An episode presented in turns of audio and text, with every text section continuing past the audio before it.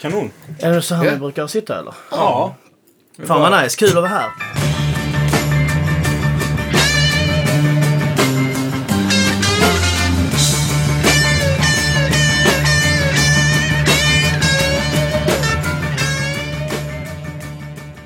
Vad Fredrik, ja men välkommen hit. Men vi ska- Välkommen till, eller har vi... Jag vet inte. Ja, det är bara att köra. vi kör. Är det Ja, bara vi att köra? kör. Ja, vi Ja. kör. Välkomna hit mina damer och herrar.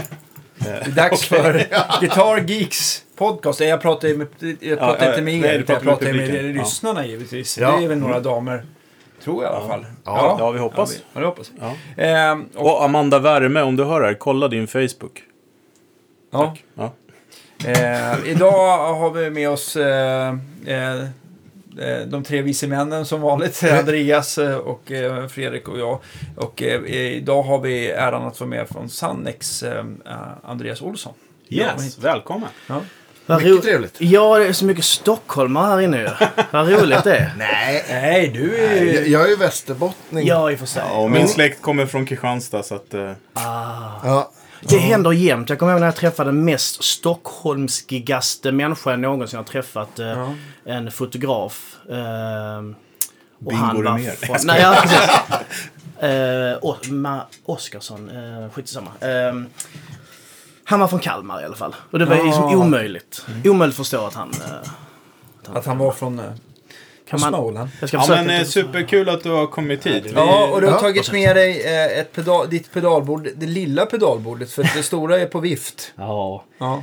Precis, och det var lite roligt här för att eh, lång historia kort då. Eh, redan innan eh, mina gitarrprylar blev stulna av bussen. Eh, jag kan fördjupa mig i det alldeles strax. Men innan dess så eh, vår, antar jag gemensamma bekant Göran Elmqvist då som eh, bygger sådana här astrofysiska pedalbord till någon som mig som inte kan så jättemycket om eh, teknik.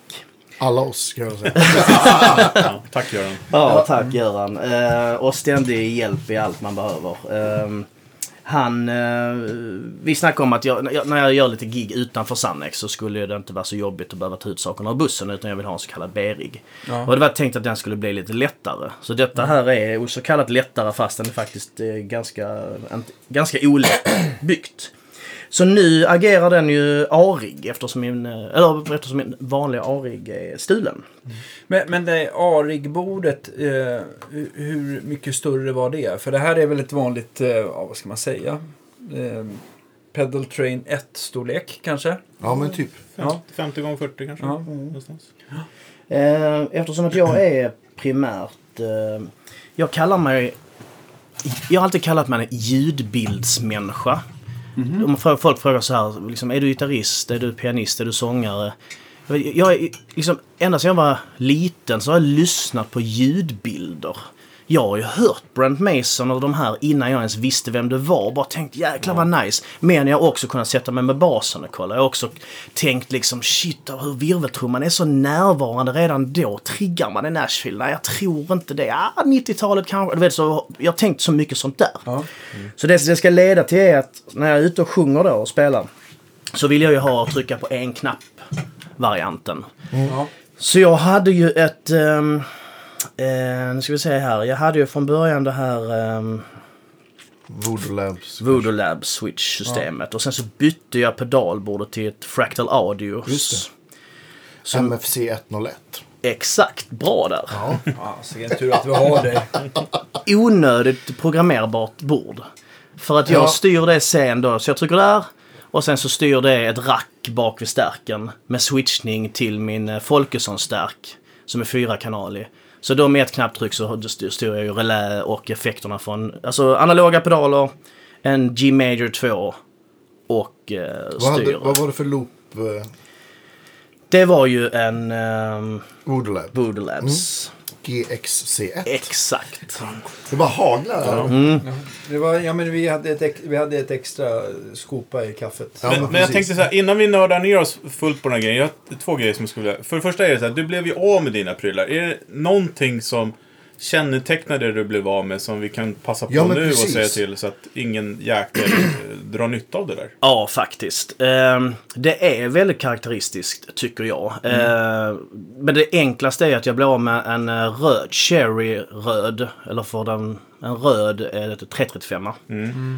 Det är en ganska vanlig kulör så den kanske inte sticker ut. Nej, i och för sig. Nej. Men eh, Serienummer kanske. ja, jag har ju allt det på min, eh, lagt ut på Instagram. Men vi kanske kan eh, hitta på och komma Tror jag till det sen. delade allt det här då det, då det blev stulet. Men vi kan dela det Vi igen. kan göra en vända till. Ja. Och sen en liten speciell, eh, eftersom jag gillar Nashville Telecaster, så här, här är en, en svart Telecaster. För vanligt folk, en svart gitarr. Med vit kant och det tre mickar istället för att det bara är Och två så hade mickar. kantlist på, på framsidan, eller? Ja, precis. Eh, Ja, jäkligt snyggt tycker jag. Ja, det är skitsnyggt. Ja. ja, jag Jobbigt gillar att bli det av med en mycket. så snygg gitarr. Och den hade jag också jobbat länge, länge, länge med. eh, Med, med Stefan Ale- Alexandersson i Uppsala som eh, gör vi mina gitarrer. Ja. Och han eh, hade, vi hade hållit på jättelänge. Ska det vara en P90 där? Vad ska det vara en eh, Texas Special där? Hur ska det vara? Bla bla. Nu nördar vi in igen. Men kontentan är i alla fall att någon har snott det och det är sjukt onödigt. För att de har ingen nytta av detta och jag har tweakat de grejerna i tio år. Ja. Eh, och de kommer inte kunna sälja det till liksom, någon som på något vis kan i närheten betala för vad det är värt. Liksom. Nej. Nej. Och det satt i ett rack, eller hur? Ja, så eh, de, de, de plockar ut, de öppnar packen och till och med fattar hur de skulle rulla fram bussen. För vi parkerar gärna in till en vägg för att Ja, man inte ska kunna öppna. Så de har ju fattat hur man drar fram bussen. Iskallt öppnat där bak, tagit ut stärkaren ur casen, liksom låtit casen vara kvar. Tagit ut min, just snott mina prylar och basistens prylar. Och sen allting inne i bussen då, tv och sånt där. Vad var det för starkt du blev av med då? Ja, det, var en, det är ju en eh, JJ Labs. Ja, det var den eh, En, o- Folkesson. Folkesson prototyp-starken som du sa. Precis. Ja, just det. Och det, JJ Labs, det var det samarbetet de hade med Jam. Ja, va? precis. Just det. Och det var ju en, någon, en... Folkesson är rolig. Jag frågar honom alltid. Ja men Tommy, eh, visst är nu de här amerikanska butiksstärkarna häftiga? Nej, jag vet inte om jag tycker det. Alltså. Jag vet, de ser likadana ut där inne egentligen. Liksom. Ja, visst, de, har, de, de, har lite dyra arbetskraft kanske. Så här, liksom. ja. Ja, men nu då, nu herregud, nu har jag köpt en matchless här liksom. Bara, ja, matchless är coolt i och för sig, men du vet, eh, no, nej, men du vet, det är de, alltså, han är så jäkla rolig med det.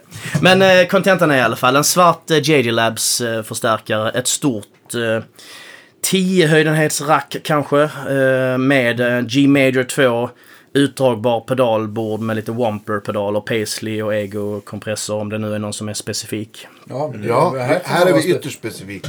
Du Ja. kan inte bli för nördig. Du- Älskar ju när ni sa i någon podcast att det går ut på att prata över huvudet på folk. Det är det bästa jag hört. Jag, jag applicerar det på min vardag jämt. eh, och sen eh, Gibson 335 som jag, Chris på Lutman specifikt gick ut och sa så här, jag vet vad du gillar, jag går ut, vi har sex stycken lig- liggande så jag hämtar precis den jag tycker är godast och skickar ner. Och jag har inte tweakat någonting på den, så det var surt. Enda fördelen att, de, att det var de två gitarrerna som blev stulna istället för många av mina andra var att de är replaceable i slutändan. Hade de snott någon av dem som jag har med mig idag hade jag blivit jätte, jätte knäckt. Så, ehm, ja, Ja, vi nej, men- detta. Vi gör en liten post igen Ja, men det, absolut. Det är, eh, jag höll på att säga, ska det vara så jävla svårt det här med ditt och mitt? Jag Ja, blir, nej, jag det blir är- alldeles Precis. upprörd känner Men sen har jag en fråga till. Eh, för att sätta scenen lite grann. Ja, Kan inte du bara göra en liten hisspitch på Sunnex? jo. För att det är ganska spännande. Jag, jag gjorde lite research igår själv. Det har ju funnits hur länge som helst. Jo, men det ska jag göra. Ja. Och då får ni göra detsamma sen. Ja. För att jag har ju en grupp följare som är väldigt eh, entusiastiska. Ja. Som sannolikt kommer att lyssna på den här podden. Ja, och sannolikt förstå 90, eller förstå 2%. Ja, härligt. Så ni kan köra samma race Ja, sen. absolut. Ja, absolut. Ja. Eh, men eh, jo, Sannex startade, det tvistas lite, men 76-77. Skolprojekt från Uppsala. Eh, Mm. Då kan ju inte du ha varit född. Nej, jag är född 82. Och det är inte mina föräldrar. Eller då. Och eh, de eh, började egentligen med att spela Beatles, rock'n'roll covers. Eh, fram till egentligen... åt- Nej, så var det någon som sa till dem, ska ni tjäna pengar ska ni spela dansband. Liksom. Och de hankade sig fram på det i tio år, samma folk typ. Eh, sen 87 eller 88 så fick de bli kompan till Ann-Louise Hansson när hon hade en krogshow i Stockholm. Och det var ju väldigt stort och framförallt kom de in i rätt kretsar. Så då blev det ju skivkontrakt med Frituna som då var det stora dansbands eh. Så rakt in, jag menar på den tiden var det ju så du vet, inte Sköna Söndag var kanske slut då, men det var ju Bingolotto, sen hade man ju full spelplan och Svensktoppen. Så då blev de ju eh, hela skörda väldiga framgångar då på 90-talet framförallt. Och eh, samma gubbar mer eller mindre. Sen efteråt, 99, började branschen gå neråt. Eh, sångaren eh, ville sluta. Och då tyckte de allihop att eh, det här är, det är tråkigt, vi, vi är kompisgäng. Så slutar han så lägger vi ner bandet. Eh, dåvarande gitarristen Pelle tyckte det var synd så han köpte loss bandet. Tar med en sångerska för att det inte skulle likna gamla bandet. Eh, som heter Jenny Salén som senare startat eget dansband som heter Jenny Saléns. Ihop med sin kille som hon träffade i bandet, vilket de inte fick göra egentligen enligt reglerna i bandet. Är det så? Och det var därför de fick eh, bryta sig ur. Ja. Ja, det är faktiskt, eh, det, jag tror att det har gått så lång tid nu så att det är preskriberat. Ja, så jag tror ja, det är ja, okej. ja, precis. Eh, men så var det. Eh, Ja. Sen var väl det såklart många andra anledningar också. Men eh, Contentan var att Sannex asade sig vidare och på den tiden var det mycket så Magnus Carlsson, eh, Barbados Magnus Carlsson eh, vibe. Ja. Så att då var det en kille som sjöng som hade mycket så här, ja men de spelade ganska poppigt. Sen eh, började ju, känner ni Chris Andersén eller så? Mm, Ja, absolut. ja. Eh, Han sjöng i Sannex när jag började. Precis. Och han är ju den som, jag har alltid, eh, alltså country är mitt, mitt, liksom, mitt blod. Men han fick, liksom lärde mig mer hur man liksom plankar och lyssnar för att lära sig liksom hur, han hade ju Brent Mason licks liksom. Jag tyckte han var ju kungen. Så när jag började spela han gitarr och sjöng i Sannex. Och eh, sen var han, efter två år så slutade han. Vad, hade ni för, vad hade ni för sättning i Sannex när, ni, när du började? Den var jättekonstig. Det var två gitarrister Ja. pianist och trummis. Ingen basist. Så den låg på dator. Men det ändrade vi väldigt snabbt för vi tyckte det var ganska ologiskt. Vilket år är det här? När började du? Ja, det kanske man ska ta. Förlåt, jag har hoppat över det. Så säg att gamla Sannex la ner 2000, det är enklast. Ja. Och sen så 2007 började jag. Var han kvar då? Pelle? Pelle var kvar. Ja, Men han har egentligen ända sedan 2000 väntat på att få lov att sälja bandet. okej. Så att han väntar bara på att rätt folk skulle börja. Men varje gång rätt folk börjar, Pelle sa nu slutar jag. Då slutar någon annan för då var de oroliga att ah, det funkar nog inte utan Pelle. Liksom. Ja. Ja, just det. Och dansbandsbranschen var framförallt väldigt sådär. Det fanns alltid någon gammal klenod som skulle vara med liksom gå där med sin pengar på sig. Nu går jag och tar betalt. Det var viktigt för arrangörerna att ha det här kända ansiktet det. liksom. Nu är det mer, alltså hela världen ser annorlunda ut nu. Vi har ju bra relation till, till arrangörerna men det är ju det är en faktura liksom. Ja, exakt. Men ehm, 2007 började jag. Sen eh, i samband med Dansbandskampen eh, 2009 när vi var med där så slutade Chris innan. Och då började han faktiskt med ett annat dansband först. Men han var inte med där så länge. Sen slutade han i eh, dansbandssvängen. Ja, Han var väl med i eh, Nya Vikingarna någon Ja, just det. Fast det är senare. Det är mycket senare. Vi såklart. ska, vi ska ha ett avsnitt med Chris snart. Så att, Ja, eh, det kommer mer om eh, Mr Anderson. Ja, precis. Vi tar det då. Ja, helt exakt. Ja, men han, han, han var ju min eh, klippa när jag började. Ja, kul. Eh, duktig ja, som fan.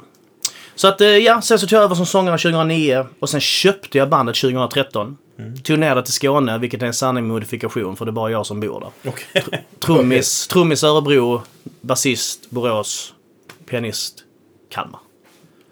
Så att vi är en jäkla massa dialekter. Så nu är alltså. ni eh, fyra. Vi är fyra. Var står bussen någonstans? Den står i Nybro utanför Kalmar. Okej. Om, om ni ska repa, vad träffas ni då? Eh, då gör jag ett arrangemang, skickar ut det och så åker vi ett par timmar och så säger jag att nu lär ni er det. Och sen så åker vi ut några timmar tidigare till stället. Ja. Vi spelar så mycket så vi, vi, alltså vi skulle inte orka. Det, alltså vi, vi träffas och repas till plattor om det är liksom tv-grejer och sånt. Men vanliga gig ute så... Vi spelar så jäkla mycket så vi börjar bli ödmjukt rätt bra på att repa in grejer liksom. Det finns rätt bra Ja, men det, precis. Det kan jag tänka mig. Hur, när, när eh, eh, under de, sen du startade, när, eh, vilket år var det liksom pikade att det var som flest spelningar för er? Hur mycket var ni ute som mest? Ja, och, ä, om det finns eh, en... ehm, vi spelade nog 160 jobb första året. Det är mycket. Men, men man spelar ju ihjäl sig, alltså verkligen. Eh, men eh, 160, det finns ju band som spelar mer. Men eh, jag vet att ni har haft Micke Strömqvist här som spelar med Donnes. Ja. De är ju uppe på 200 jobb. Ja. Men hatten av för dem. Ja, men- jag vill ju spela mindre och tjäna mer på något vis. Ja, visst. Och precis. Men jag tänker också om man ska komma upp i 200 då blir det väl väldigt mycket att man får liksom vara ute i veckorna Mm. mycket mer. Det, helgerna är ju fullt sedan länge liksom. Men, men eh, jag tänkte på det måste ju också vara svårt att få ut lika mycket folk och dansa på vardagarna. Eller jag vet inte hur det ser ut i dansband. Är det helgerna som gäller som för alla andra liksom? Mm. Det är väldigt, väldigt högaktuell fråga, framförallt för mig som brinner väldigt mycket för att på något vis förändra och putta in dansbandsbranschen i 2020. Det finns fortfarande kvar en kultur att man ska spela mycket. Det är ball, det är coolt, då är man framgångsrik. Jag tycker vi tappar exklusivitet. Och tröttar ut publiken. Liksom, så att liksom, de kan ju bara, ah, men ska vi gå på Sannex i Örebro? Ah, men de kommer till Skultuna nästa helg. Liksom så här. Så att, eh, och, jag, och, och entréerna är för låga för att det egentligen ska funka. Liksom. Det kostar runt 200 spänn för fyra timmars underhållning. Så att, eh, eller ja, tre och en halv timme spelar vi effektivt. Så att eh, jag tycker ju... eh, Jag är, sticker ut hakan lite grann nu under corona. eh, I allt elände som vi givetvis alla förstår. Så hoppas jag att vår bransch kan nyktra till lite grann. Att vi slipper jaga den där jäkla heltidslönen. För det gör ju att vi tar gig som man kanske inte alltid ska göra. Som man varken egentligen kanske orkar göra. Eller betala som egentligen betalar för lite. Ja, de betalar...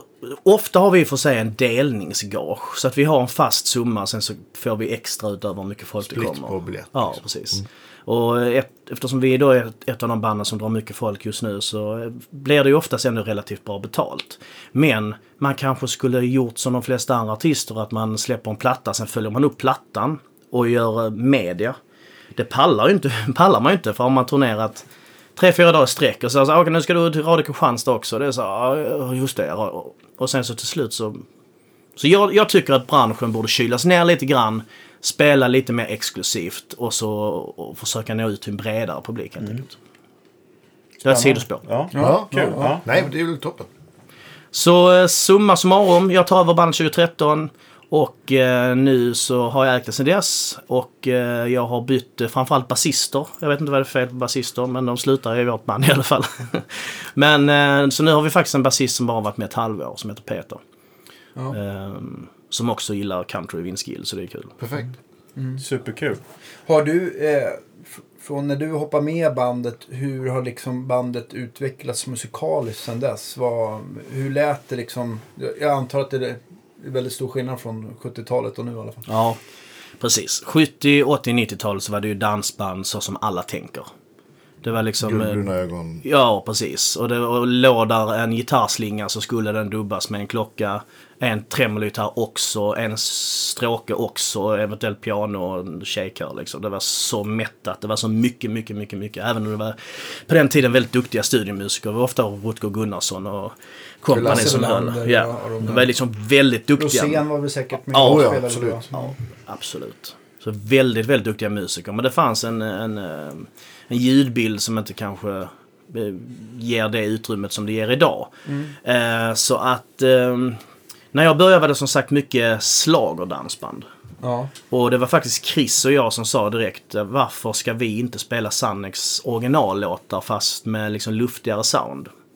Och eftersom att vi båda gillar country så gick det ju mer och mer in på liksom.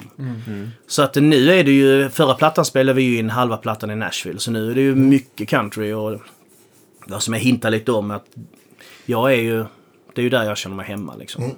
Men när ni spelade in i Nashville, la ni gitarrer och sång där då, typ, eller? Ja, faktiskt allt. Allt? Okej. Vi ja. åkte över hela bandet. ja, vad roligt. plus att vi hade... Var spelar ni någonstans? Jag, har ju, jag är i Nashville så ofta jag kan. Ja. Så att jag har ju under tio år eh, gjort upp, eh, eller på något vis lärt känna en del folk. Och min hjälte där heter Joe West som är producent och låtskrivare till allt från Emmylou Harris till Keith Urban. Det är liksom, han är så jävla duktig så han till och med går in i Waves-pluggarna och kollar på sådana här templates. Så kommer nu, från och med nu känna igen Joe Wests templates liksom. Så han, jag vet inte varför han tog sig an mig, för jag var nobody. Jag mejlade honom och sa hej jag heter Andreas, spelar dansband, det skulle vara kul att komma till Nashville, kan vi ta en fika? Egentligen så vill jag bara peta på en amerikan för det är det coolaste som finns liksom. så att på den vägen var det. Så eh, West, West Barn Studio i Franklin som ligger Ja. några mil eh, söder om, eh, söder om Nashville Town. Så... Det låter verkligen på landet. Med Det det är typ eh, motsvarande Danderyd ska jag vilja säga. ja men typ så här. Lite så här finare område. Ja, Ja, här. faktiskt. Ja. Det är jävligt nice. Ja, det är. Jäklar vad jag vill bo där alltså. det är så jäkla häftigt. Men eh, då, eh, och sen ville vi även ha det så kallat Nashville Experience. Och vi ville ju också ha studiomusiker. Så att vi spelar själva på två låtar. Eh, jag spelar i och för sig Guro. Ja, det var blandat i och för sig. Men eh, kontentan var att vi ville ha studiomusiker på fem av låtarna. Och alla här inne vet ju hur Nashville, att de är så duktiga och att det är liksom, de hör en låt en gång och sen så skriver de ner sina numbers och sen så går de in och spelar den. Men det var ännu värre live för de flesta stod inte ens och lyssnade. De stod så här, tog en kopp kaffe, producenten spelar upp låten, han som blir bestämd som är liksom the session master skriver ner. Och jag fattar inte ens som musiker hur de kunde sätta den låten direkt. Alltså en tagning, en halv lyssning Ja. och varenda detalj. Jag kommer inte förstå det i något sammanhang hur de gjorde det. Vilka var det som spelade då? då? Är det någon som man vet om? Ja, framförallt eh, Tom, vad heter han, Bokovic. eh, Bukovac. Bo- Bokovac, förlåt. Ja, visst. Ja, var han med? Vad Ja. roligt. Ja. Han gillar ju du. ja, för Ja. fan. Jag är kär i Tom Book. Jag får, jag får ju gåshud bara nu. Ja, Crush. Ja, För att, han är fan fucking tastic alltså. alltså, Ni som inte har kollat hans YouTube-kanal, gör det Ja, genast. homeschooling. Han är helt okej tycker jag. ja det är bra. Ja, han har ute, och det var första gången, och även um, Danny Raider som är um, Keith Urbans utility player. Just det. Eh, han la ju alla utilities då, alltså banjo, um, Mandolin. mandoliner och acke och sånt. Och det är också gött. Ni vet själva det är att lira in en acke i studion ihop med massa annan musik och sen sololyssna det sen. Första taget jag kan gå in jag kan ligga och sova till hans jävla ackespår. Alltså, där är inte, där är inte, du, han, träffar, han träffar bara hela tiden. Strängarna liksom. Liksom inte att han inte slår ett in. missljud. Det är inte, givetvis inte ett armband, det skulle han inte ha på sig. Men det är... Men körde de, eh, körde de på det som fanns i studion eller hade de full cartridge? Eller vad heter det? Cartage. Cartridge. Cartridge. Eh, De körde på vad som fanns i studion, eh, bortsett från sina egna gitarrbaser. Då. Och eh, jag kommer inte ihåg vad basisten heter, men det är samma snubbar. Det är bara A-game. Coolt. Eh, Så det var ju, och jag har aldrig hört någon förhålla sig till ett klick mer diffust och ändå få det att svänga och alla håller kvar i klicket. Jag kommer inte förstå det heller, för vi stod ju och lyssnade i lurar.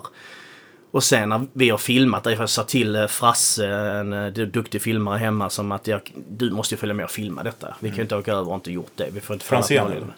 Ja, just det. Ja, Ja. Ja, kul. Hej det är Frasse. han som, ja just det, det är En annan hans... gear slut. Ja, eller hur? Sorry Frasse. Ja men då, det var ju han jag köpte 65 eh, Ah, okej, ja. amp. eh, Han, han la ut en bild eh, i veckan på Facebook. Han hade köpt en eh, Victoria Tweed Deluxe som Namne har ägt innan. Aha. Där fick han en bra stark. Ja. Ja, jag kan tänka. Ja, Frasse är ju en sån härlig allierad för oss. Han har gjort alla våra musikvideos. Ja, liksom är bara Ja. en fantastisk ödmjuk människa. Men eh, ja, i alla fall. Så att eh, där var vi och när vi sitter och lyssnar på det här. Nu pratar vi över huvudet igen. Jag Bra, älskar det. Men bra. klicket i alla fall. Och sitta och höra klicket så som jag hör det. Och sen så lyssna på det som händer där ute. Jag, kan inte begripa. Men eh, coolt. Ja, men har du sett den här homeschooling som... eh, Mm. eh, Jag kan, vi får lägga upp en länk till det, vi har gjort det igen. Men han pratar ju mycket om de här grejerna just. eh, Hur Ja, men precis. man ligger och igår så snackade han om det här med Ja, den jag inte när, sett. när han spelar eh, rocksolon så de, tar han bort all dämpning. På spe, han spelar, alltså alla toner låter det ringa ut helt. Ja, Okej. Låter ju kanske konstigt när man förklarar men all, alla vi som spelar, de dämpar ju lite grann Mm. sådär. Ja, just. Men han, han sa att han låter det ringa ut helt och så hade han någon annan dämpmetod. Han dämpade med vänsterhanden när han spelade istället för högerhanden. inte Lyfter på något sätt. Ja, Ja, precis. Jag, rocka, jag tänkte på dig då, rockabilly. ja, det, ja det gör man lite grann. Ja, precis.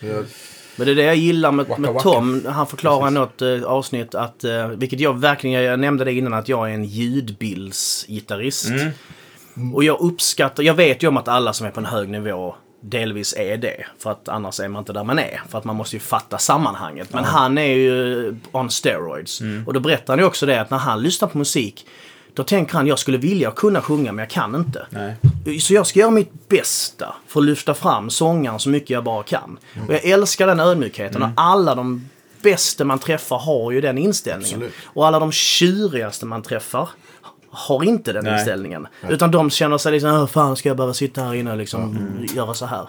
Och där är han ett föredöme. Mm. Att släppa fram eh, ljudbilden liksom. Vad det nu än är. Så hatten av för Tom. Ja, verkligen. Vem spelar trummor då? Det? Eh, ja, uh, Nur. Nir Z. Nir C. Han, eh, är. Ja, han är Ja. faktiskt lite svensk. Inte svensk alls. Men han eh, programmerar mycket till, eh, till eh, Tune Track. Precis. För första gången jag träffade honom så bara, han, är, han pratar lite, han bryter på något om han kan vara från liksom Italien och sånt här för liksom att han flyttade till USA när han var två så han har kvar en procent italienska. Oh, I work a lot of those guys on tune tracks you know. Så um, där finns en del, ehm, Ja, men han har gjort sådana groove libraries till dem. ja. Han, jag tror att han är Israel. Han och Ja, det kanske han är, ja. Osnoy är polare.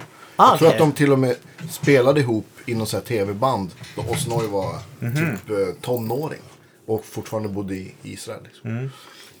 Coolt. Side note. Men du, om, om vi får backa lite grann då. Nu, nu är Nashville och det är Ja. jättespännande. Vi skulle kunna göra fyra avsnitt om bara det. Ja. Eh, och vi har ju också som mål att vi ska ta oss dit i vår och köra avsnitt Absolut. på plats. Ja, Ehm, så då får vi återkoppla då få får vi lite... hoppas att David har hunnit tillbaka då. För han Ja, skulle väl vara bra precis. att möta upp där även om ni precis har träffat Precis, honom. vi pratar om David Henriksson. Ja, just det.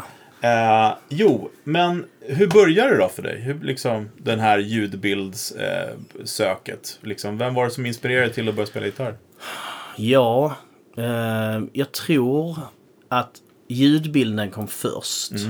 För eh, lite som jag nämnde innan, att jag är uppvuxen, min farsa och min farbror och min farfars någonting lirar dansband.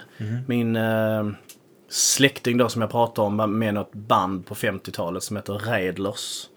Och när sen det blev inne med rymdåldern, ni vet allt det här Telecaster, Stratocaster. För det första köpte de elgitarr så de inte kopplade in, hade sladden i bakfickan. Och sen så döpte de om sig till Raidlers Kometer. Sjukt hippt. Eh, det är väl liksom så långt den historien hör jag ofta. Sen min farsa och min farbror eh, spelade ihop på 70-talet i ett lokalt band som hette Ulf Jonnis. Också briljant eh, namn. För att Ja, det, verkligen. det är så här, vad ska ett dansband heta på 70-talet? Jo, det ska heta Ulf Jonnis. Ja. Med Z också. Jag tror inte det var det. Men, men det hette Dance Band. Ja, inte dansband, utan Dance band. Dance Band. Eh, farsan eh, förstod väl kanske ganska tidigt att han, eh, han är väldigt mycket företagare. Så han är inte så mycket för mus- musikflum.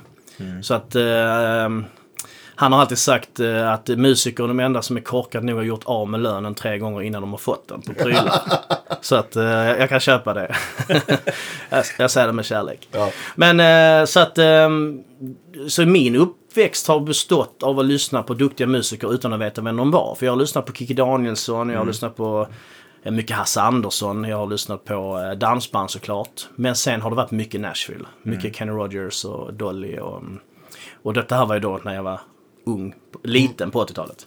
Sen så när jag själv första gången ser det måste ju varit jag fick Absolute Country 1, en samlingsplatta som förändrade mitt liv. Där det då var liksom Alan Jackson och det var då Brent Mason började uppenbara sig Precis. också utan att jag visste det. Eh, sen är det ju från det, liksom, har jag alltid lyssnat. Och ofta satte jag mig och spelade bas till plattorna. Jag vet inte riktigt varför.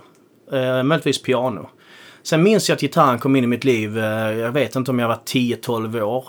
Så jag till farsan, då jag skulle lära mig spela gitarr. Okej, lär dig vad strängarna heter och så kom inte med på kontoret sen. Och sen minns jag inte vad som hände. Sen helt plötsligt kunde jag spela gitarr. Eh, alltså, du vet, basic. Sen var det nog inte förrän på gymnasiet som jag började liksom ta i lite mer. Men hade, hade din, spelade din pappa gitarr också eller? ja, men han är också så här musikant, du vet, lite knapp Men ni hade och- instrument hemma och sånt så det var enkelt. Och... Precis, vi har alltid suttit varje fest så kommer det ju fram liksom. Spela i C-dur för pappa kunde bara spela dragspel i C. Eh, och sen, nu tillhör han faktiskt inte dem, men det är alltid int- Jag tror jag har fått ett öra därifrån på det sättet att spela med dragspelare och gamla gubbar och sånt är rätt roligt. För de sa att de bara hoppar över rundor liksom. Alltså de, de har sin egen time. Som Ja, är. Oj, oj, nu hoppar vi dit. Så jag tror att eh, jag har Man ju... får följa sången på något eh, märkligt sätt kanske. Ja, precis.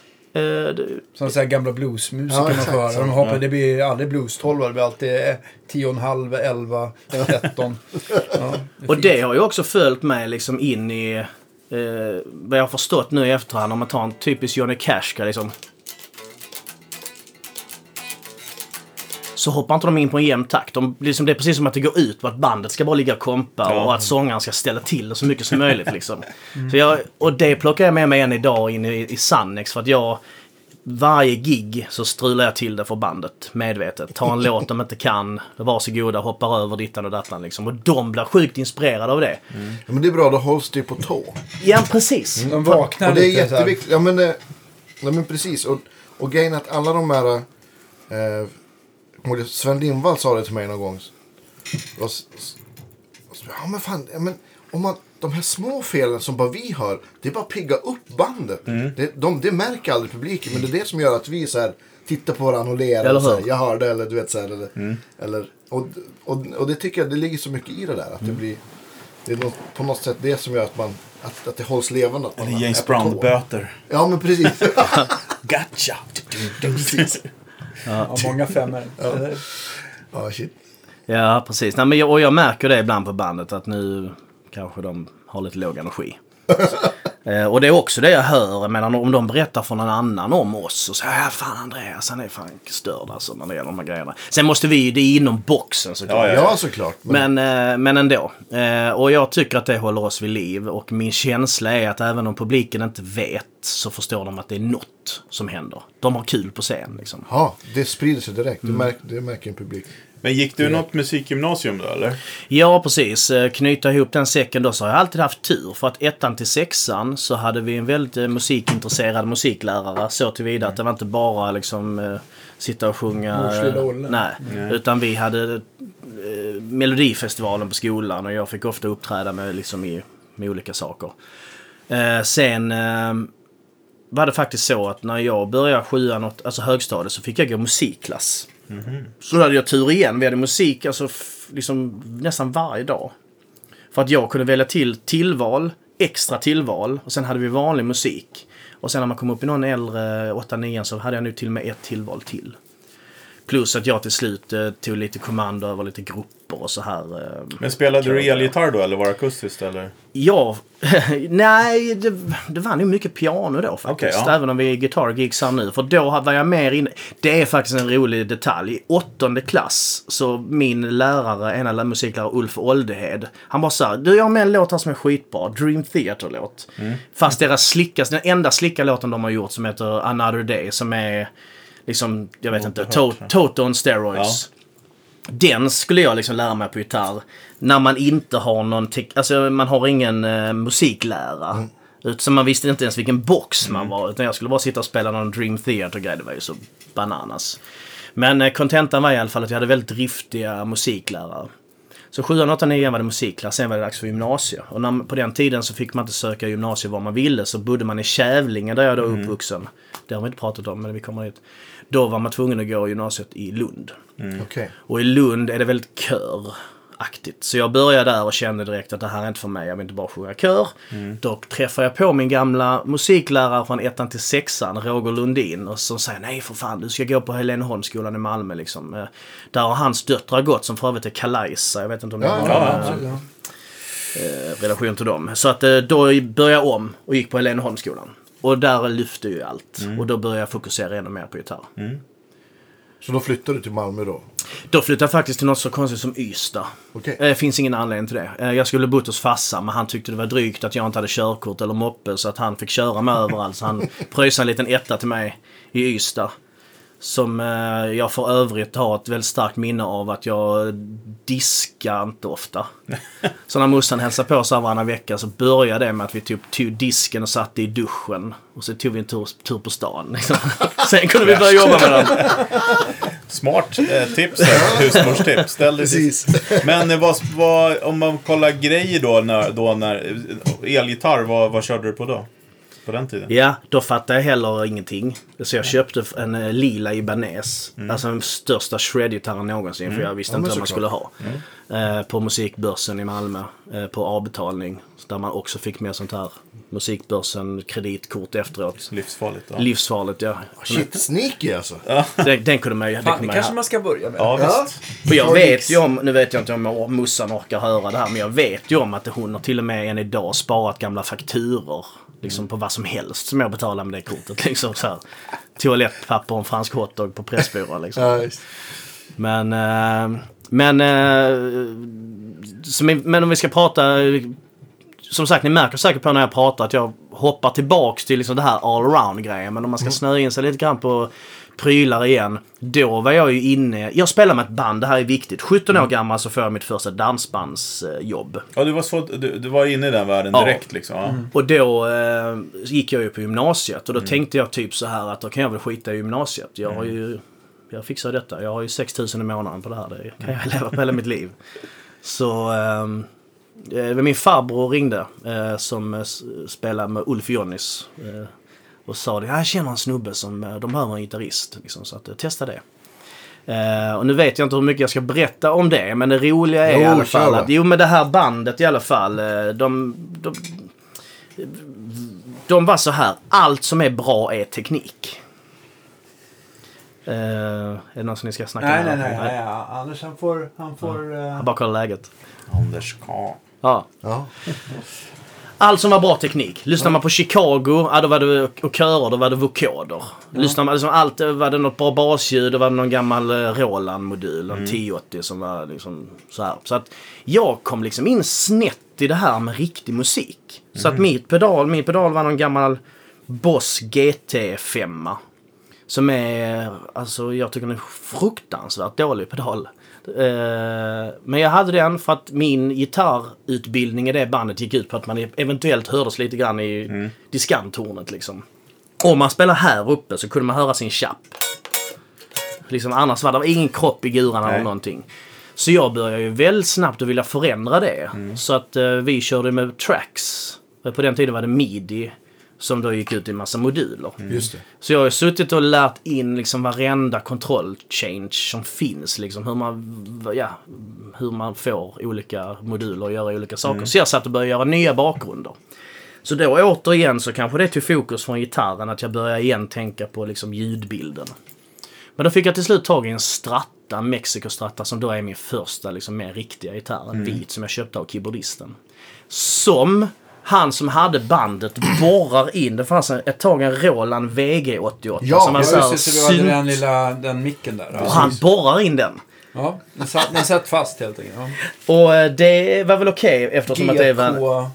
Ja, Vilken precis. high-tech. VG88. Ja. Och där fanns ett slickljud, så här Lukather-ljud som var bra. Så var det så här virtual uh, Acke-grejer som liksom på den tiden tyckte jag det lät gött. Men ehm, det roliga är att han skulle borra till den även om det var en annan en dyrare gitarr. För han har gjort det roligaste, du får ursäkta mig nu Lasse, men han skulle borra fast en saxofonmick. Och borrar i saxen. Och det är alltså i musikersammanhang det roligaste jag har hört nästan. Det är bara, vad, vad hände med ljudet? Nej, det är extra hål liksom. Det är helt episkt faktiskt. Så att ehm, det finns fler sådana stories. Ja, men det var ändå så gammal. det är bra med borren helt enkelt. Gam, gammal cell, men det går inte att sälja. Ja. Ja. Men eh, då började jag lite gitarrprylar. Så att i det bandet så var det mer teknik. Det var så här styra, alla ljud byttes med midi change, delay-tider skickades liksom och det var mycket sådär. Så då fick jag ju lära mig väldigt mycket teknik. Ehm, sen, vad fasen hände egentligen sen? Alltså under den tiden så var det en väldig lä- alltså lärdom av branschen, hur man liksom träffar folk, arrangörer, vad som är viktigt, plocka undan efter dig, bete dig ordentligt. Liksom. Visst, det finns vissa som kan vara drägg, men oftast är det en image. Det är ju någonting som jag verkligen har lärt mig att de som de som har hållit i länge, vilken artist det än är, sköter sig ändå någonstans. Eller har de någon som städar upp efter dem. För att eh, är man bara drägg då får man vara Michael Jackson känd liksom. För annars kommer man inte tillbaka. I Nej, alla fall inte med vår bransch. Så att eh, det var en bra skola. Sen eh, efter det så började jag med ett annat gäng från Falkenberg som heter Nice Guys. Med Z i mitten. nice yes. Guys och stort G. Och det hände att folk sa, bytte ut guys till gays såklart. Till och med när vi var med i SVT så sa de fel. Vi var med i något program som heter Ragadish. Det var så här Bullen version 2. Okej. Eh, skumt program, men eh, då skojar de om det i alla fall. Men, eh, och då hade vi Arvingarna som stora förebilder. Vi typ gjorde så här, Arvingarna, alla livekassetter vi hade som vi hade spelat in från Afton Dans plankade vi. Så att, eh, då körde vi Arvingarna-grejen. Och det gick eh, rätt bra för Nice Guys på den tiden. Kunde man Men sen så dök eh, Chris Andersén upp. Mm. Så ringer han, vi träffas och sen så hör han av sig och frågar. eh, han har ju bytt dialekt, han är ju från Hylte egentligen. Men liksom. Ja tja, i Sannex, du... Um, fan, du ska inte börja spela i Sannex liksom. Och jag bara, nej. Jag, jag tackar faktiskt nej. Fel av mig. Pelle ringer till mig och säger Tjena, Chris, i- eh, Pelle i Sannex, du ska inte börja med en riktig orkester. Så att... ehm, Spelar du med Nice Guys? då spelar jag med? Nice Ja. Guys. Och då ringer han och säger det. Vad var det här nu? 2000? Ja, det måste ha varit 2006 då. Ja. Så... ehm, onödigt mycket detaljer, men så på den vägen. Sen ringde jag upp tio minuter senare och sa förlåt, jag vet inte vad jag tänkte på. Det är klart vi ska träffas och snacka. Och så, så skulle jag börja i Sannex som andra gitarrist. Och, eller som gitarrist och andra sångare. För Pelle skulle sluta och Chris skulle hoppa fram som ensam front så kallat. Eh, och gitarrmässigt så hade jag köpt mig en eh, Japan-tele och en Fender Cyber Deluxe. ja, just det. Ehm, den, det finns ju Cyber Twin som är med rör, men detta var ju bara transistor. Men jag tyckte den hade bättre overdrive. För jag vet inte varför. Sen, på den tiden kostade den 25 000 för Cyber Twin. Ja, men jag har för mig att man var ganska, alltså för vad det var, så man hade ju typ bara lyssnat på så här Zoom och eh, Boss och sånt där. Så, så eh, var ju det där klart Ja, eller vad roligare. heter de? Line 6 Spider eller Ja, någonting. precis. Oh my god. Ja. Men jag för mig att jag såg så här, liksom, demo med Greg Koch. Jobbar väl åt... Eller hur? Och det var SN. Det var Just Cyber det. Twin SC. Ja, okej. Och jävlar vad han lirade där. Ja, visst. Ja, men precis. Och jag tyckte han lät, Jag fattar inte. Åh vad han låter bra. Jag måste ha en sån. Ja. Men för den har ju massa effekter i sig och sånt också. Så Ja. då hade du någon midi-bord till det då? Eller? Ja, det är faktiskt Fender hade ett bord till. Okej, ja. Eh, Med varför gör de så? De här borden, varför har de sån här liten nätsladd? Sån som att går man på scenen en gång och trampar i den med foten så Ja, är den ju knäckt sen. Det är någon Så- som inte har tänkt. Så det första jag gör är alltid att bygga om, eller får byggt om sånt där som man sätter i riktigt Mm. tryne liksom. Men eh, så att, som ni märker så kommer jag från en tid jag har suttit med analoga grejer. Mm. Men jag har också kommit till den här dansbandsdigitala eran. Som både var cool men som flummat till. För när folk berättar för mig, ja ah, vet du om att Rosanna-solot är liksom inspelat med en förstärkare? Jag bara, va? En förstärkare? Det, det, det är omöjligt. Det måste ju ha minst nio multieffekter på det för att det ska låta så. Jag kom från den sidan. Ja. Ändå är allt jag har lyssnat på alltid varit the real deal liksom.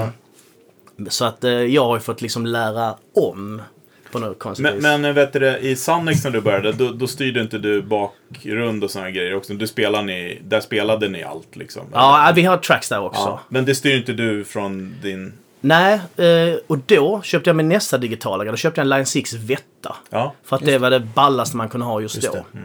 det. Sen kom Folkesson in i bilden. Mm. Men, eh, så det- var mycket digitalt där före. Men sprang du på Folkesson då, eller fick du höra någon Folkesson om någon bekant, eller hur? Ja, både och. Eh, det fanns en snubbe i ett annat dansband som också hade... Alltså, mina så här, såklart, husgudar gitarrmässigt är ju Brent Mason och Brad Paisley. Och eh, jag hade en kollega i ett band som heter Kindberg som hade ett jäkligt bra Paisley-sound. Så jag frågade vad han gjorde, är Folkesson. Så var det på den vägen. Eh, sen så snöade jag in mig mycket, mycket mer. Jag har suttit hos Folkessons. Det är därför det stör mig att den är stulen. Vi bytte faktiskt element nu senast i somras. Jag har verkligen suttit så här, han har suttit, nu kan jag ingenting om teknik, men om det finns någonting att ratta i en förstärkare som gör att det låter annorlunda. Så satt jag så här. Nej. Skruva Skruvar han. Ah, närmre. Nej, Okej, där har vi det. Ja visst, då satte han in något motstånd där. va. Så liksom, ah, okej, nej, då får du nu ha en extra ratt till det. Alltså för att den kanalen, den börjar styra över där. Då får du ha, alltså varenda grej var liksom tweakad. Och den lät mycket på låg volym, vilket är bra i vårt sammanhang. Men var det rör i den? Ja. Jag kommer inte Men det är ihåg. inte för- så att han har kvar något schema på vad han har gjort då? Så att det går liksom att återskapa, tänker jag. Eh, jo, han kommer kunna återskapa det. Och då vill jag ha den i... Eh, jag skulle vilja ha den byggt i något annat än en JJ Lab. Sen hävdar han fortfarande att det är waste of money. För att in på insidan är det samma sak. Men eh, jag skulle vilja få den byggd i någon, eh, någon Fender Top kanske. Bara för att jag har ju mer den här... Jag gillar ju appearance is everything. Jag gillar liksom... inget illa om JJ Labs, men eh, man, Nej, men man, slipper, man slipper förklara om där står en Fender eller Marshall. Liksom. Men vad heter det? Jag tänkte just i dansbandssvängen där. Att, att så mycket roddande hit och dit. Och, eh, man har ju sett Bert Karlssons band. Vad hette det? Det som gick på tv. Friends. Friends, ja. Ja. Hur mycket de slet Ja. med sina prylar. Men i alla fall. Eh, det, du har ju inte tänkt att gå all digital liksom. Med att rulla in ett litet 12 enheters rack med hela bandets grejer i liksom. Ja, faktum är att vi har ju komprimerat allting nu till, till två rack. Eftersom att eh, digitalmixtrarna nu är ju bra. Och sjukt små. Ja, faktiskt. Och då går man ut med paddan i rummet och Ja. mixar så istället. För ni, har- ni åker med PA och hela grejen Ja. liksom. Ja. Det som tar plats är ljus. För där är jag också, det är nästa grej, jag är nördig, jag sitter och programmerar allt ljus. Men, eh, men ja. Det är klart att nu när Kemper, golvkemper kom, kom då känns det som att fan nu har de ju tänkt till här. Alltså nu har ju den allt. Ja, varför gör jag så? Men jag har... Eh, jag vi, Okej, det här är nördigt som Bra. Bra. jag kan tänka mig att alla innerst inne tänker så här. När jag har tråkigt så står jag och tänker på två saker. Det ena är om Christer Björkman står och gömmer sig någonstans och letar efter nästa eh, Melodifestivalakt. Och det andra är att Paisley sitter och tar en Jack Daniels i en hörna där jag inte ser. Gärna i, i någon form av så här funky miljö med lite cigarrer och sånt. Vilket inte är alls viktigt i sammanhanget han får för sig, fy fan vad det varit gött att gå upp och lira med det här dansbandet. Då vill jag inte att han ska ha en Kemper att göra det med. Jag vill att han ska ha de här prylarna. och jag erkänner det. Men det är liksom en... Det är en... Det, jag, håller, jag håller den fanan högt. Micka stärkaren, trycka på rören. Ja, men för att för att de ljudideal du pratar om, det är ju... Paisley pratar vi ju hög volym. pisshögt, alltså. Ja. Och det är därför Folkesson var så briljant, för den lät så på ganska låg volym. Ja. Eh, För jag har ju såna här, jag samlar ju på starkare gurer. Jag kunde inte ta med det upp hit. Jag har tagit med några stycken, eller två gitarrer. Men eh, jag tog med min number one och så tog jag med min eh, 56 slash 57 tele. Eh, och ehm, eh, ja, jag har ju Dr. Z-stärkare och Bad Cats och Matchless och sånt här. Och det är ju magiskt. Men det är ju så starkt. Vilken Z kör du på? Stangray. Ja, just det. Coolt. Den är loud. Har du testat Seavrecken? Hans... Ja, jag har testat den på uh, Disco 11 en gång. Ja. Och den är ju... Jag skulle jättegärna vilja ha den, men den är inte tillräckligt stor skillnad för Stangray för att ha en till. Nej, nej. nej. Men det är också lite så här, lite hot-roddad box, bright, amerikansk butik. Ja, visst. Ja. Ja. Precis. Verkligen. Vä- väldigt bright. Ja. Och det undrar jag ni som kan det här. Alltså, där är ju, diskanten heter ju Cut. Alltså, varför? Du kan alltså inte, den går ju hela vägen. Du kan alltså ha den på max 5%, sen är det så mycket diskant. Vad ska Ja. man med den resten av 90% till liksom? Jag, jag kan inte hitta något sammanhang där jag Ja, hört den så bright. det, är, det är för de som inte har, har, har hört talas om Rebaxör alls. Fast det var ju, eh, det var ju också ett bra så här. Tom Bukovac-avsnitt när han pratade om när han spelar med eh, Joe Walsh. Ja, just det. När han kommer upp och han har, Tom har fixat en skitschysst rigg med gamla deluxer så här, sweet, riktigt nice sound. Och så kommer Joe upp och bara eyes piercing så här. Men sen när de, på arenan när det kommer folk sen, vem är det som Som har det bästa ljudet? Jo, det var Joe. Så han fick, Tom Ja, fick precis. tänka om sin rigg helt. För att, eh, Men, men jag, jag tror också så här, jag tror också Mm. att det blir lite sån här en, en eh, det är lite så här som på Fender-stärkan om man har tänkt att ni kopplar in i musikaffären så tycker man så här, man drar upp ett, två så händer det ganska mycket volymmässigt. I början ungefär. Och sen så, sen så, för att det liksom allt ska hända i början så här. Man känner så här, oh, men nej, här finns det hur mycket resurser och kraft som helst. Och det kanske är så med så här överdrivna diskantrattar som den där katten. Att det ska liksom, ja jag vet att jag, man känner så här, men jag kommer aldrig vara här uppe. Men om Tänk jag, vad skulle det vara där finns. uppe Ja. så, Ja, så ja, går så det. det Ja, så att det blir Att det lite är så här. psykologiskt. Ja, men jag Ja. tror att det liksom så här. Men de är, de är jävligt bright. Men det är ju också väldigt prisvärda starkare. De är ju liksom 1000-1500 dollar billigare än andra Ja, butiksstarkare. visst. det är väldigt mycket för pengarna. Och jag har ju, jag är ju en eh, väldigt så här business, jag gillar ju bra business. Ja. Så jag har ju köpt allting för rimliga pengar. Ja. Eh, och det, då känns det ju extra kul. Blocket, eh, och många köper säljcentret, men framförallt Blocket, de belönar ju inte bra grejer nu. För det är precis som sa, en custom shop. Fender. Det spelar ingen roll egentligen om den, om den är från början kostar 70 000 eller 35 000. Det känns precis som 25 000 är maxgränsen. Det är så här, that's it. Så det, det, blocket belönar inte dyra prylar på det sättet liksom. Ja, det är sant. Men eh, jag har haft lite tur när jag, när jag varit i Nashville. Bara shit jäklar, oj oj oj vilken förstärkare. Jag måste hem och googla. Så jag har haft sån tur. Ja. Att den finns precis en gång på det. Har du, har du testat Todd Sharp? Nej. Nej. Det är en sån Nashville-byggare. Jag har inte heller testat, men vill gärna göra. Förstärkare eller? Ja. Ja, det har jag missat Känner helt.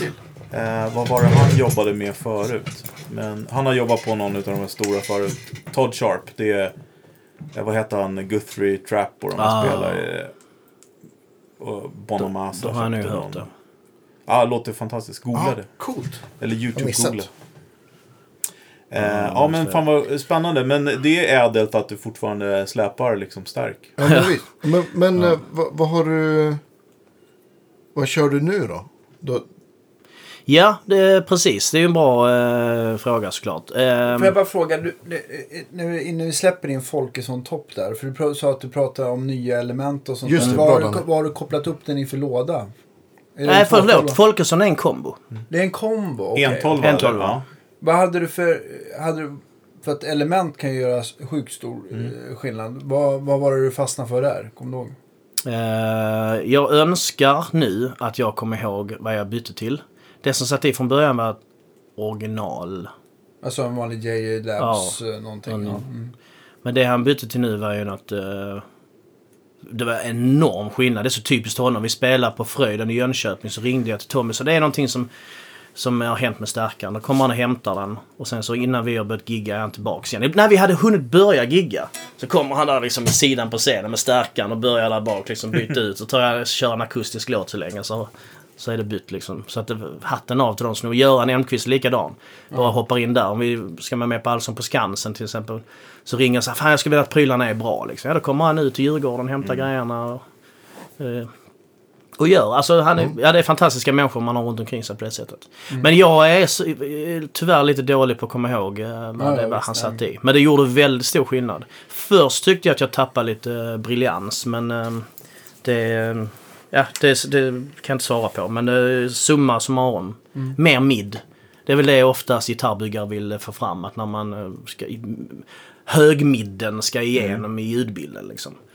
Så att, eh, och, och, gitarrister i, som testar saker i små rum vill gärna ha botten som man ändå skär bort sen. Liksom. Visst. Men den är mysig att spela med. Ja, precis. Men det är, ju- man märker ju så själv när man, när man bara provar någonting så vill man ju ha mycket mer botten än vad, än vad man har för inställningar när man kommer upp på scen när man är i ett sammanhang. För där känner jag att man kan inte ta den där Ja, men platsen. det är liksom... Det är ju också en volymgrej. Ja. Att ju starkare man spelar, ju mindre bas kan man ha. Liksom. Ja, det är ju element, man hör ju elementen inte Ja, orkar i, i vissa fall. Va, som, Framförallt med 10 tummar. Och det tröttnade jag på. Det var därför jag kom i kontakt med Göran Elmqvist. För att jag hade en, har jag glömt bort, men jag körde där mellan TC eh, Nova System. Just det. För jag tyckte det var briljant att de gjorde att man kunde loopa fyra pedaler. Precis. Men jag stod alltid och så tappade jag hänget. Och det, jag hatar, jag vet att jag pratar för alla, jag hatar att tappa hänget. Alltså det är så fruktansvärt, hela spelningen är ju tråkig.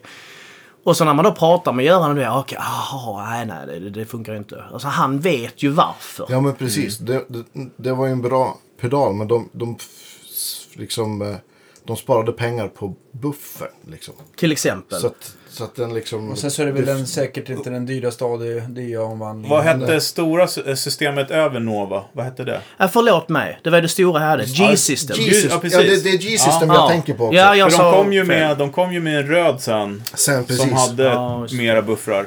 Ja men precis. För det, jag har en kompis som, som hade ett sånt. Ja, Och, och skaffade en Skutstrup-buffer. just det. Och bara la in den i. Och så var, det, då var allting löst. Då Nej, för det när den där kom, det där ville man ju ha. Det var ju Ja visst.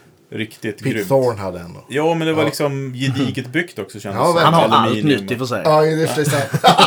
Det är så här liksom, han testar allt. Ja. Men det, är, det, är, det är alltså en garanterad boom. Om, om, man, om, man, om man lägger ut den på Pete Thorne då, då blir det en svallvåg av efterfrågan. Jag vet inte hur, hur poppis Pete Thorne är just nu. Nej, inte nu. Men Känns då, han han, var en av lite. de, han var en av de första så här, YouTubers. Såna, och han, och då, då jag upptäckte honom, då spelade han typ med Chris Cornell och hade så här Kom med ett förstärkare. Kom ett förstärkare och wet, dry wet rigg med 3 Ah. 412 och ja, men, hela pisset liksom. Ja. Så då, Men han har, han har liksom... ehm, han är inte hippast. Jo, men det, det har bara det, kommit en massa andra också. det är han och vad hette han andra?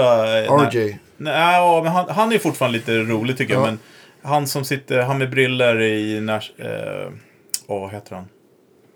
Sitter och testar pedaler. Med briller. Han sitter i sin studio. Det är inte, inte Tim Pierce utan Nej. en annan snubbe. Och han kollade på i morse när han gjorde, visade hur han gjorde det här so- metal-solot i black and white. Ja, just det. Ja, men herregud vilken snubbe alltså. Men han som jag kommer inte ihåg, jag ska försöka komma på vem det är. Men Pete Thorne, det är så här, ah, nu ska jag testa den nya pedalen. Det låter exakt likadant som de 300 andra pedalerna du har testat. För han låter så himla likadant. Ja, exakt. Så gör han skitbra låtar och här grejer när han demar och för sig, men det blir liksom lite trist. RJ tycker jag fortfarande är lite rolig. Han gör ju liksom Absolut, lite olika grejer. Ja, Ja men det är intressant och apropå det här nu snackade om innan om att uh, Bokovac kom upp och tyckte att han inte lät lika bra som Joe Walsh. Eh, det ska jag säga lite ödmjukt att jag, jag har ju ett tänk där det är jäkligt mycket Nashville straight forward. Stärkaren är stark och på det är det är det en kompressor. Eh, och det gör ju att många som spelar med oss tycker ju alltid att när de sätter upp sin stärkare bredvid och det är också Görans förtjänst. I och med att det bara är fullt blås. Jag vill ju, jag har ju inte, det här ska vi prata om för det du sa innan, det är roligt men. ehm, så att där är ju, det är ju kul att spela när man har det här hänget hela tiden och det är det jag alltid söker. Ehm, och där är jag så störd med den här då för att nu fungerar ju volympedalen som en volympedal vilket innebär att Andreas har med sitt pedalbord här. Ja, förlåt. Ja, det är ju Ja. jättebra att säga. Jag sitter och tittar på mitt pedalbord. Och i vanliga fall så har ju jag i volymen Mm. i loopen. Vilket innebär att den förändrar aldrig soundet. Nej, utan den skruvar bara ner. Mm. Men här förändrar den ju soundet. Och jag kan inte vänja mig vid det.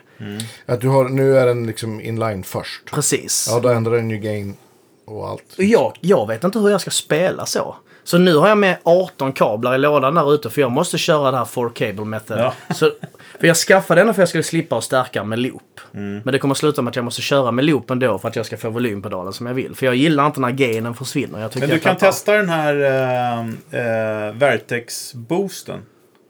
Ja, den har du nog snackat om någon Den gång kan du prova, för den, har ju, den är ju, funkar lite grann så. Ja, visst. Du Ja, så kan man ha den som expression Ja, du istället. kan ha Expressions pedal på den boosten.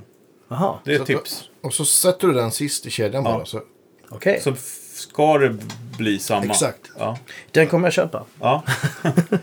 Och nu som sagt, nu är det mycket kablar och loopförstärkare. Eftersom att mina roligaste förstärkare inte har någon loop. ja Just det. Så använder jag inte dem. Ja, annat nej, men testa en sån. Det, det kan vara, Cool. kan vara tryck. Äntligen.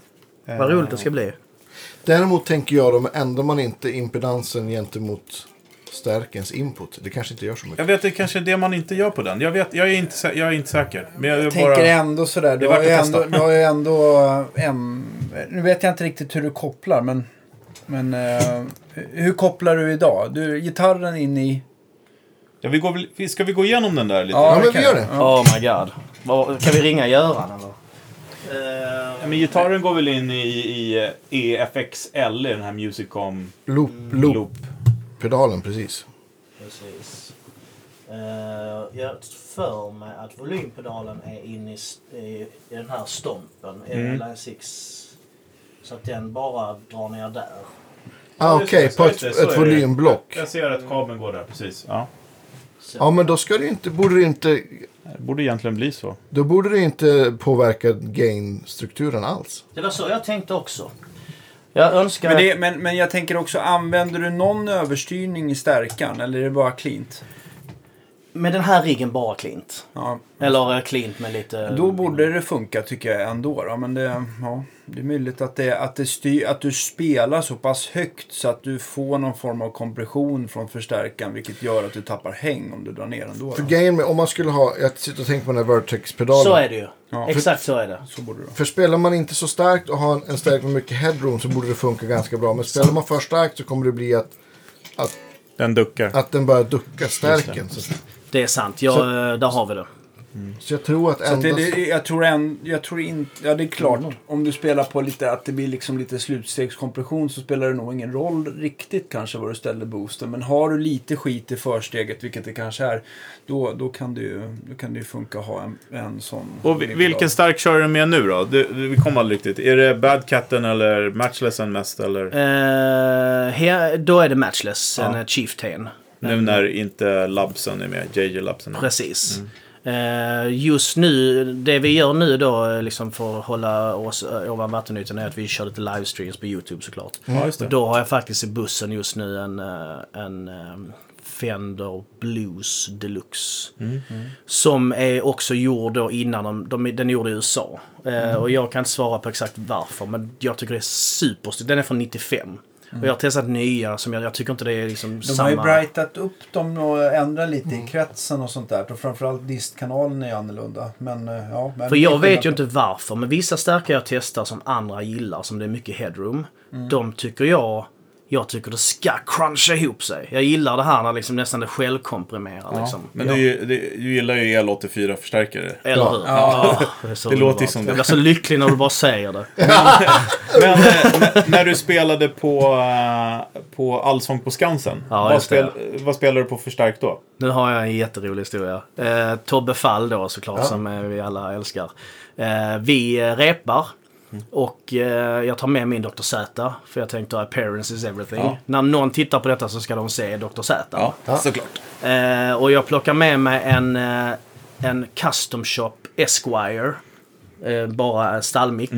Eh, med till och med någon eh, NAM-historia som var så här eh, paintad med några egentligen rätt fula grejer. Men den, jag tänkte så här, om någon inte kommer ihåg någonting så ska de komma ihåg vilken TV-gitarr. konstig gitarr. Ja. Ehm, och inte nog med det. Jag tänkte också att jag ska göra någon form av Carola light. Så att eh, när vi repar in låten så eh, lirar jag med min Dr. Z. Då säger Tobbe det. Alltså fan, Tele och Dr. Z, det är kul alltså. Han kör ju väldigt mångsidigt där såklart Ja. som man gör i... Jag kunde komma in och bara spetsa till med det mest stjänga jag hade. Och då konstaterar vi att jag ska göra en, en räka. Så att den börjar så här. Barakadunka, kadunka, pa pa pa pa pa pa pa pa na na na na na na na na na En, två, tre, fyra. Där börjar låten. Men vi förlänger detta. Alla går in i sina notpapper liksom verkligen shit. Nu ska... Och jag ska liksom...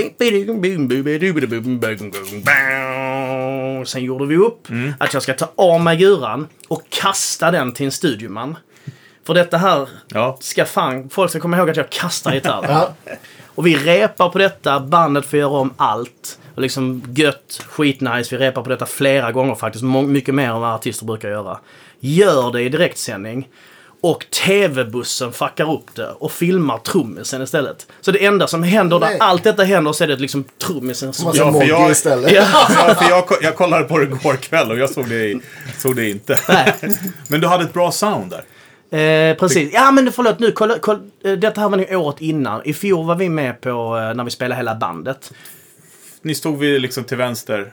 Precis, då var vi hela bandet va? Ja, precis. Jag tror, inte, jag tror att du hade den där va? Du hade nog Ja. inte eh, the Esquiren. För den såg jag på någon, Jag kollade lite olika klipp igår. Så. Eh, Det var precis, det var i fjol väl. Och då körde vi Hard and Highways från plattan med hela bandet. Just detta det, här den var det. Den det var var det. när jag var, detta här, förlåt, det var året innan när jag var med själv. Bara som ambassadör för bandet. Mm. Okej, Just det. ja. Så att, eh, Ja, nej, men det, jag tyckte att du hade bra sound på...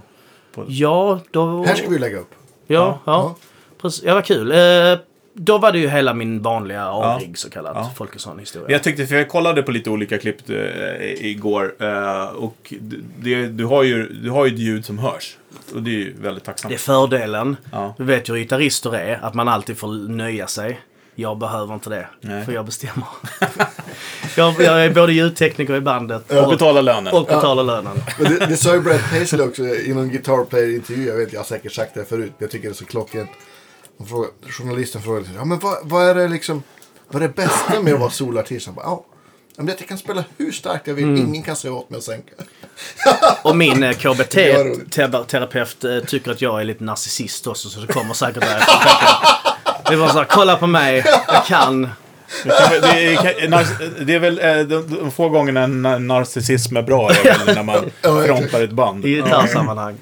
Men ska vi, testa, ska vi gå igenom bordet? Ja. Eh, jag ska sätta på förstärkaren och se om den brummar där. Yes!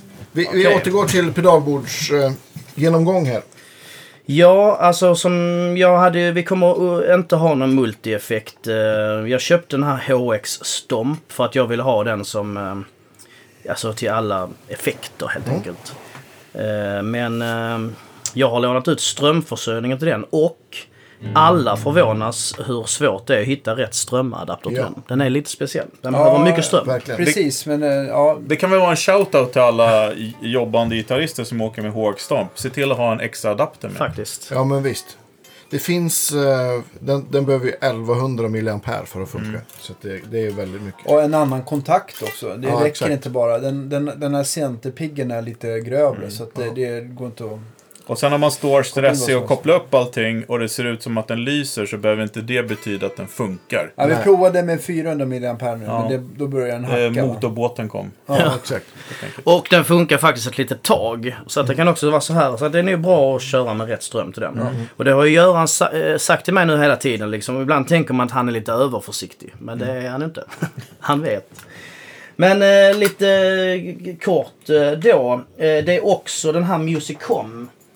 Eh, EFX LE, precis. EFX LE. Där var jag också inne på att köpa till exempel, vad heter. Boss-variant. Eh, Som också loopar. ES8 eller något. ES8, ES5 och sådär ja. Och då var Göran samma sak. Ah, men du vet du som är lite, äh, jag ska inte påstå så, men du som är lite kräsen igen. Ja. Eh, du vill inte förlora det som förloras i den. Nej. Nej. Så vi fick vänta ganska länge på den. Eh, köpt från Finland, det kanske ni vet vilket det här stället är han brukar köpa. Om någon Custom Sounds, eller nej?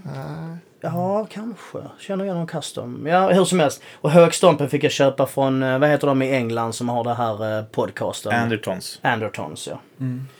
Eh, Ja, den var restad väldigt länge, Håkstompen, för den Ja. blev så populär. Precis. Men jag använder den bara för um, modulations och reverb och Delay. sådär. Delay. Mm. Men i övrigt så är ju min grej är ju starka, stark gitarrförstärkare och eh, kompressor. Och kompressorn har jag i princip på på alla sound utom tremolo för att då blir det liksom tremolon, då blir det för... eh, man behöver den Det suddar dynamiken. väl ut lite av den effekten. sen. Ja, det blir liksom... Ja, det stämmer inte ihop på något vis. Och sen ibland om man kör så här hjältesolo 80-tal så kan det också stöka lite mycket med, med kompressorn igång. Men annars är den nästan alltid på. Och huvudgitarren, är det den här Nashville-telen nu då? Precis, detta är min number one. Som jag faktiskt köpt av Chris. Eh, och där hade jag bara tur. Vi, eller jag, vi bytte. Och jag tyckte han gjorde ett nerköp. Men han eh, bytte mot en vanlig... Eh, vanlig eh, deluxe-tele. Ja, men för den där, alltså vad jag kan se här så ser det... Kan du vända på den en gång snabbt bara? Ja, det är en custom shop i alla fall. Och det där är någon... Är det så bara custom shop? Ja, precis. Men det är Nashville Tele, det pratar man ju om att ofta så brukar det vara en strata-mick eh, som läggs mitten. till i mitten då. då Ja, så att den får precis. tre lägen då. Och sen så brukar det i, i många fall vara kvar telehalsmicken. Men du har en till strata-halsmick helt enkelt. Eller en, Och den är faktiskt byggd så här. Den beställs här av någon Ah, snubbe. okej, ja, ja. eh, 95. Eh, det- Det finns en till som ligger ute ibland som jag tänker i USA som var så här, fan ska man köpa en till bara för att man ska ha en till? Men eh, det har jag inte gjort. Men eh, Och är det Fender-mickar på den? ja, Ja. ja, den är stark. Så två stycken. Hals, hals single coil strata, mitt strata och i bak är det tele helt enkelt. Var det Texas Specials alltihopa? eller? Ja, tch, tror det. Ja. I alla fall två av dem. ja, och stallmicken ser inte ut att vara en Texas Special. För de mittpol, alltså de, de magnetpolerna sticker upp i mitten på en Texas Special och har vit Ah, okej. tråd runt, eh, runt spolen. Så att de, det där är någon annan, eh, jag skulle tippa på att det är någon mer såhär no-caster liknande eller 52 style. Flatpole. Och denna här är min number one för att den är så sjukt allround ju. Ja. Och eh, både slick och elak. Eh, det som jag gjorde med den här telen som blev stulen då, att jag ville ha samma setup men så var jag sugen på en P90. Så då satte jag i en Lundgren P90 som var...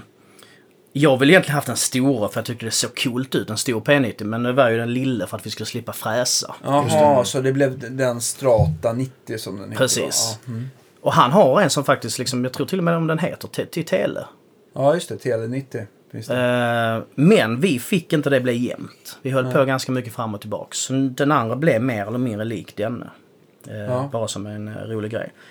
Men ehm, absolut, femläge switch som gör det som en vanlig strata. Så att, Men eh, Vänder du på kontrollplattan och får switchen ifrån dig? För annars så brukar ju liksom en tele eh, omkopplare vara framåt liksom. Mm. ja, det är min lilla tweak. Ja. Eh, som Jag också, gillar också det där. jag vet inte varför egentligen. Jag tycker egentligen eh, det var en... Jag vet inte.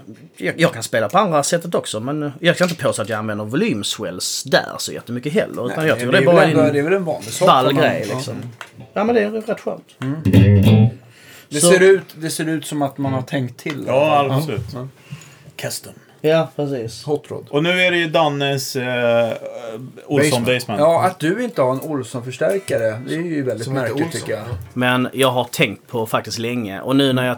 eh, Nu, nu har jag testat en stark också som jag tyckte var. För ni hade ju Stefan Jonsson här för någon... eh, eller ju- nej, det var ju för sig länge sedan. Men jag lyssnade på den uh, Ja, ganska ja, men nyligen. då, om det var den lilla röda toppen Ja. du pratade om, det är ju den som står bakom dig, den i svart. svart Tolex där.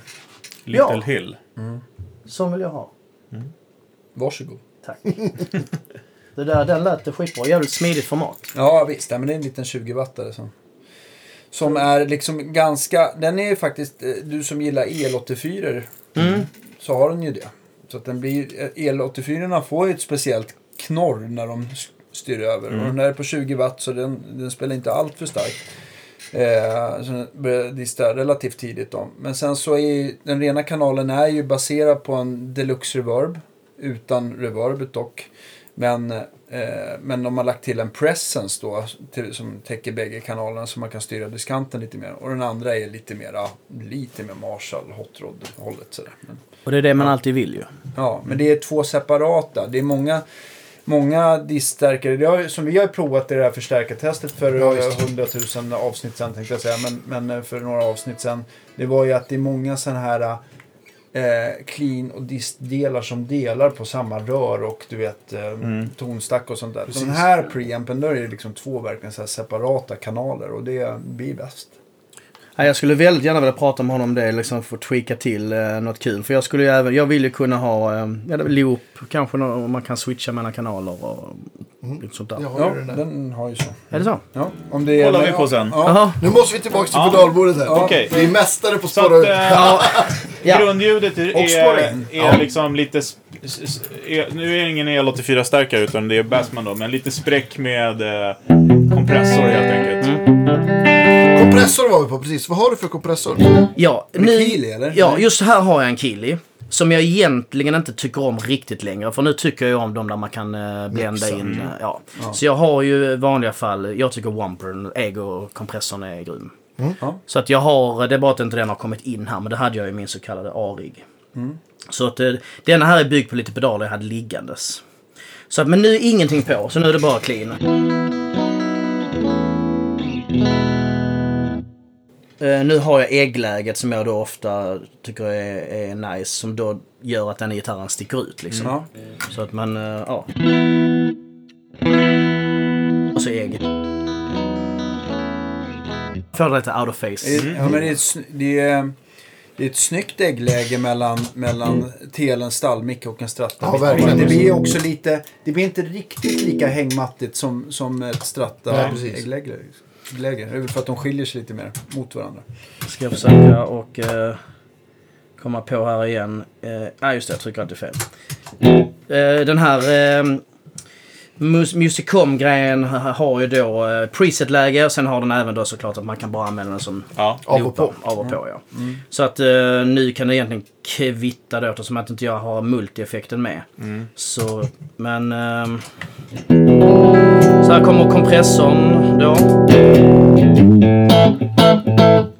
Och där hade jag ju föredragit om stärkan var lite crunchy. Ja, liksom. Men eh, skit i det. Och sen så när jag var i Nashville. Det var så ball när man kom dit. Det var typ fyra assistenter där. Så när man kom in så här, okej.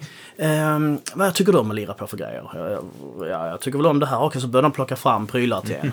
Och så, så frågan, har du testat den här eh, Rocket Dude? Nej, det har jag aldrig gjort.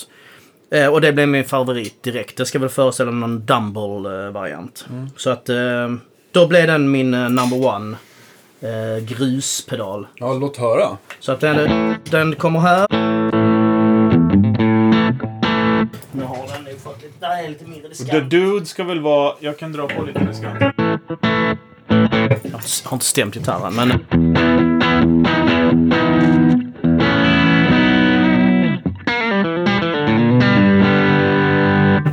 Den ska väl vara lite Dumble-style Yes. va, är väl The Dude. Precis. Så bara ta lite snabb. Det är irriterande om man inte stämmer gitarren i en... The number one guitar podcast. Eller hur?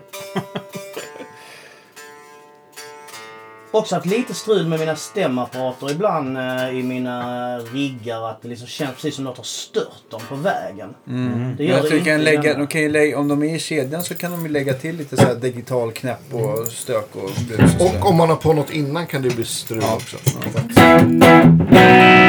Ja, men i alla fall. Det är duden. Jag och får en, i alla fall en känsla av att den är en spin-off på en Tube Screamer som jag hör det här.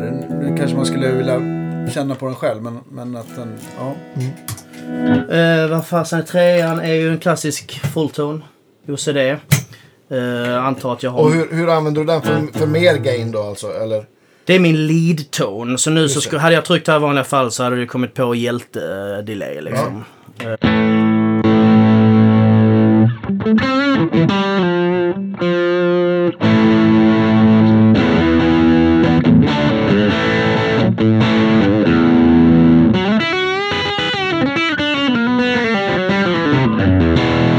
Så att det är väl en... eh, Den hade jag kanske inte... Den hade jag också hemma. Ja. Eh, I vanliga fall använder jag ju Paisley Drive. ja. Just det. Eh, för. Jag spelar ju inte. Det blir ju hur fan jag än gör så spelar jag så här liksom. Ja. Det är att jag har pedaler som gör något annat. Sen RC-boosten tycker jag är, är, är min holy grail. Vad jag än gör så gör den att alla förstärkare låter bättre. Så ibland är jag sugen på att ha den igång hela tiden. Men eh, se vad den gör med denna.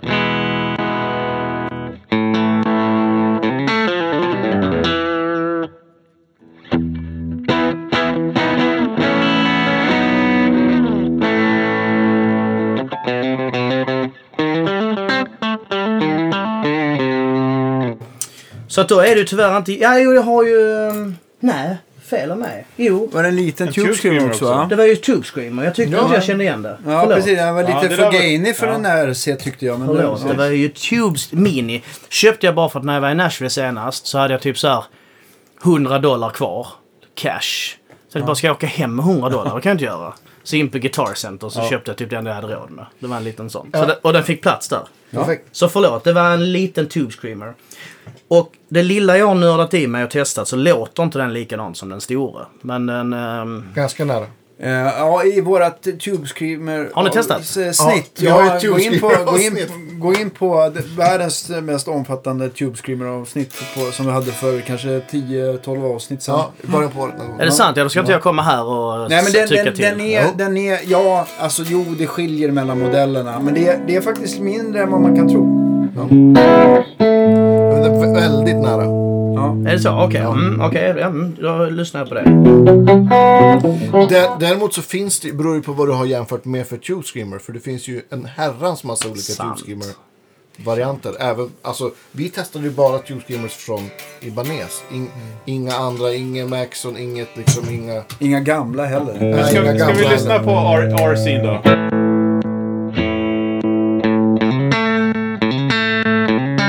Här i detta fallet hade jag ju velat...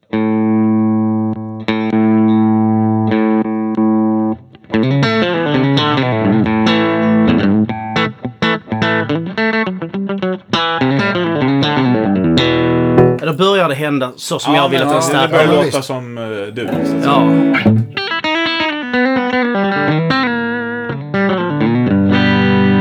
Ja, men den är ju mysig. Ja, verkligen. Men du, har du sett... Eh, jag menar, när du var i Nashville måste du ha stött på Nobels pedalerna. Inte De där det. gröna som alla har. Det är liksom eh, Tom Bukovac framförallt. Eh, var ju den som satte det på kartan. Ja, visst. Men det, det, det är inte... Som Det, Brant Mason också kör. The, the Nashville pedal. Nej men vad fan, det finns ju inte en chans att inte, det måste jag ha gjort utan att veta. Ja, men de absolut. har i alla fall kommit med minipedaler nu. Så att om det är så att du inte är riktigt nöjd med den där så kanske du kan trycka in sån istället. Exakt, precis. Ja, Nobel eh, ODR1 va? Och det är rätt, precis. det måste jag ju kolla in. Ljusgrön, du kommer känna igen den direkt. Ja, jag det- har sett den tusen gånger. Men den är verkligen sån Nashville-pedal. Det, och det som jag- jag kom på nu bara när vi snackar eh, Nashville, att det som jag gjorde när jag byggde min A-rigg, det var att jag gick in på Rig Rundowns och kollade på Paisley och Keith Urban. Och så gjorde jag en hybrid av det. Så jag eh, tog några pedaler som eh, Keith Urban använder, bland annat Mesa, Mesa Boogies eh, Flux Drive. Just det. Eh, och det låter verkligen Keith Urban. Eh, sen så byter de sen. Men jag tyckte att jag tog ett så här moment in time när jag gillade dem. Eh, så att det, mina prylar är ofta en hybrid mellan dem. D- detta här är hybrid av vad jag hade hemma. Men min A-rigg var... Men han är ju rolig, Keith Urban, för han, har, han är ju... Oj, vilka prylar han har. Men det låter ju likadant. Ja, eller hur? Ja. Jag tycker- det är Eller ganska i alla fall. Du, men det du är säkert det. mer konnässör. Nej, men det gör det. Och framförallt nu när han eh, för något år sedan så bara kickade han ju hela bandet och bara kör, "Nej, nu ska vi köra DJ-style. Ja. Och faktum är att jag vet lite om det. Eh, han eh, bland annat, eh, eh, han ville ha med Tom Mm. Pokovac, svårt ord att säga, ut på turné. Och Tom sa nej. Och då sa, eh, sa Keith liksom, okej men vad ska du ha för att följa med liksom? Du får, eh, jag tror det var 15 000 per gig eller sånt här. Alltså svenska då såklart. Eh, nej, du får din egen trailer. Nej.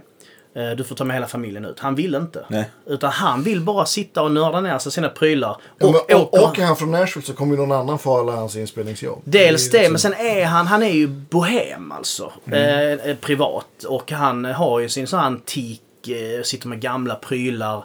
Men han vill ju åka ut med sån här Joe Walsh, okej, Ja. då är det värt det. Ja, men det är hans gamla barndomsidol säkert. Heroes. Ja, eller hur? Så att, eh, ja men bara, han... Keith, Han spelar väl på Keiths plattor? Ja, Ja. typ Ja, de allihopa. flesta. Ja. Verkligen. Så att det, det är också kaxigt.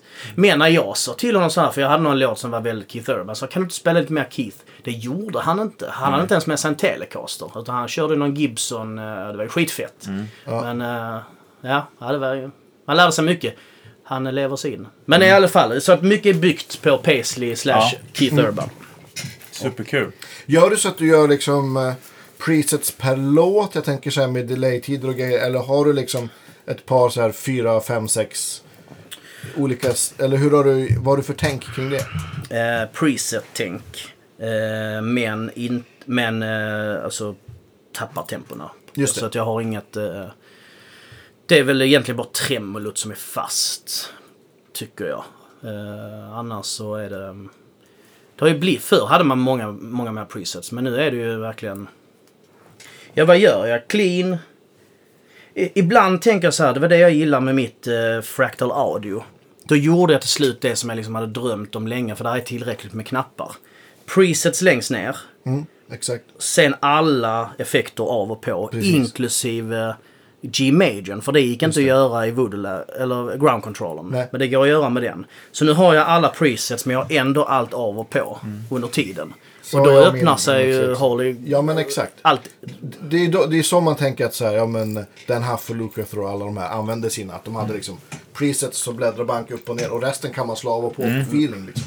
Och förr var det Och så liksom... lyser ju också de som är på. Så det är väldigt pedagogiskt lätt Det enda som stör mig med Fractal Audion är att eh, det är samma färg på alla. Mm. Eh, så att då sa faktiskt Göran att han har suttit och bytt ut dioderna i dem till vissa. För jag skulle vilja ha olika färger. Men nu går det ju, nu har de, nej just det, har Fractal gjort har fortfarande, ja har de gjort dem också? De, den ser inte ut likadan. För vad Alltså, hette, hette de andra, som den här Aqua, Ja, precis. Ja, just det. Den, ja, Exakt. blå. ja precis. de hade ju att man kunde ändra färger och sånt. Och ja, men som, eh, RGM va? Ja, RGM, tack. Ja. Line 6 har ju det. Alltså, de, har du på ett delay så, så lyser den ju grönt. Ja. Och har du på en Reverb så är det rött. Och, ja, chorus är blått eller och så Mm. vidare. Det kan du till och med byta.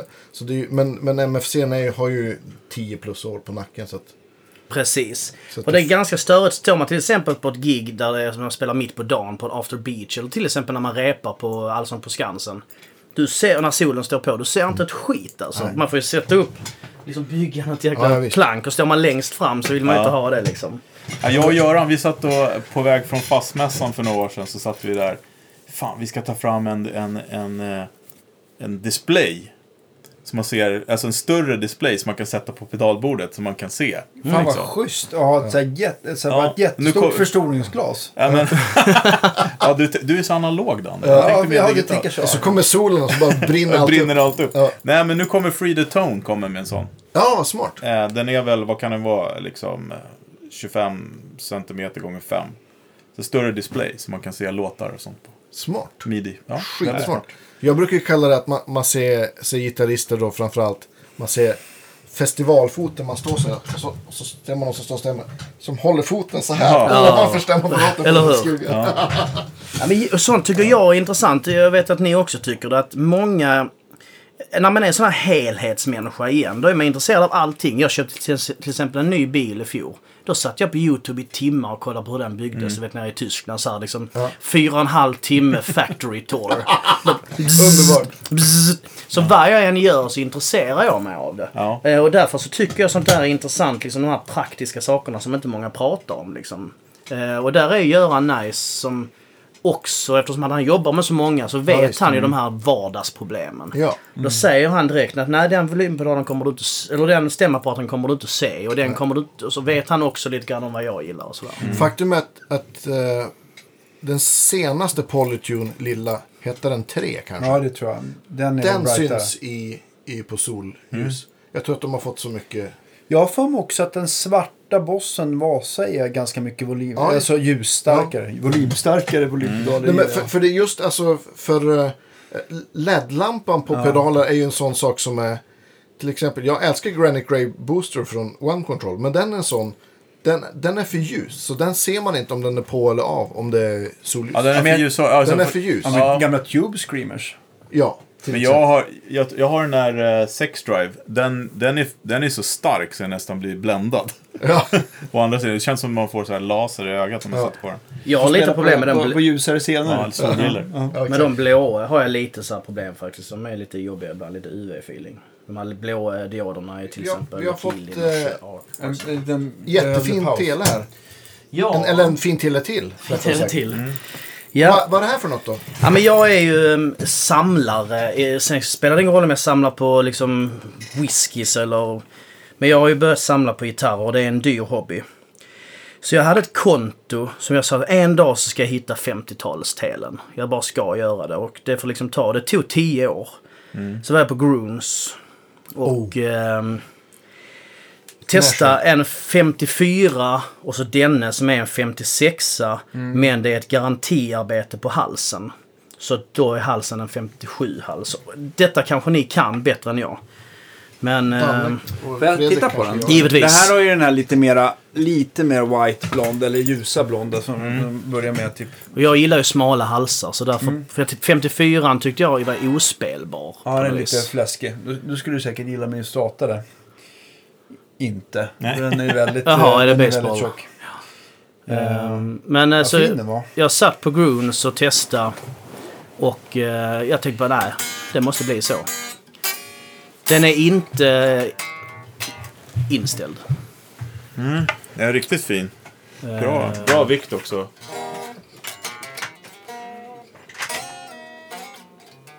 Så att när jag kom hem Snyggt. så skulle jag föra över pengar. Och så fick jag då min producentvän Joe och hämta den. Så han hade den i typ tre månader innan vi kom över och spelade in plattan. Ja, det. och det var Jobbigt. första gången jag hämtade den. Så jag bara plockade ur den ur förpackningen så spelade vi in eh, plattan direkt med den. Då. Ja, vad kul. Så att det är ju den som är med där. Du, Roligt. du får jättegärna skicka lite, lite länkar sen med göra någon playlist och sånt. Mm. på. Helt klart. På roliga gitarrer. Vi, menar, vi har ju både låtar som är väldigt mycket liksom klassiskt dansband. Och sen har vi ju en hel del där gitarren lyfts fram. Så jag kan ju Ja. liksom göra någon lite ballare lista med sånt där. Ja, där men det, hörs. det gör du som du vill. Va, vad heter eh, Vi har ju pratat jättelänge. Jag tycker inte jag, tycker inte jag har sagt något eh, kul alls. Jo, det är Massa mycket roliga Massa grejer. roligt. Det är så roligt också att få insikt i, i, i den världen som ni är och liksom den här Ja, men jag tänker... svenska countryvärlden Ja, får man väl nästan säga. Ja, Ja, precis, för det har vi faktiskt inte snackat om. Vi håller på med, eftersom att jag tycker att dansband är, är riktigt nice. Jag gillar dansband. Men jag, jag vill ju ha country och jag vill slå ett slag för country generellt. Och jag tycker att det finns många countryartister här i Sverige som struggle. De- är så jäkla bra. Det finns, Absolut. det finns en hel countrykultur. Så om countryn bara skulle slå så har vi hur mycket duktigt folk som helst. Jajamän. Så vi har ju gjort lite countrygrejer, eh, det vi- kallar Andreas Olsson och Sannex för att separera det. Ja, okej. Eh, och då gjorde vi bland annat, jag för mig att ni är bekanta med Alexandra Wickman. Vi gjorde en Ja, grej med henne. Eh, och ehm, en countryshow på Viking Cinderella. Och sen har vi gjort lite andra instick. Så min ambition är att göra mer och mer av det. Mm. Jag brukar skämtsamt säga att jag vill bli en manlig Jill Johnson med 12% Hasse Andersson. Ja, det är väl Det, Det är det bra, låter eh, som en... F- Lite folklig. ja, det är väl toppen. Ja. Så eh, nej, det finns många telecasters där ute som bara väntar på att få lov att lira country. Alltså. Oh ja. ja. Så Men, vi, men vad, vad händer härnäst då? Om vi ska runda av lite. Vad, Ja. händer, vad händer för uh, Sannex? ja, Corona is a bitch. Mm. Eh, Jag brukar säga att de flesta har problem nu. Restauranger och hotell och allt sånt där. De har förlorat liksom 50, 60, 70, 80 procent av sin omsättning. Vi har förlorat 100 procent. Det är absolut noll och inte en spänn in. Eh, Och jag är anställda. Vi har ett aktiebolag och musikerna är anställda. Men Så har ni att- kunnat permittera då? Ja, de är permitterade. Men jag är ju ledsen att säga, jag tror inte dansen kommer komma igång på länge. För just dans är väl det som kommer komma igång sist. Även om de släpper på. Ja, man tar ju varandra. Ja, men alltså inte bara Ja, det. De som nej. dansar till oss nu, de är väldigt nära varandra. Ja. Så jag tror att vi kommer ligga rätt illa på det ett tag. Och jag ser det såklart som en möjlighet men eh, också. Men eh, rent eh, för företagsmässigt är det ju katastrof. ja, det är exakt samma för, för mig. Det är ju liksom, man har ju massa möjligheter men ekonomiskt är det ju Ja, det är fruktansvärt rent ut sagt. Det är total katastrof. Men ni, ni passar inte på att spela in en skiva eller något Jo, sånt? vi Ja. är i princip klara med platta. Men den väntar vi också med för vi tappar ju momentum. Att vi inte kan sälja den om inte vi är Så- ute. såklart. För dansband är ju fortfarande de som faktiskt säljer lite plattor. Ja. Eh, dansband, rockabilly och rock är fortfarande ganska förknippade med liksom omslag Precis. och sånt där. Så eh, vi tappar lite momentum. Så nu kommer det bli mycket singlar.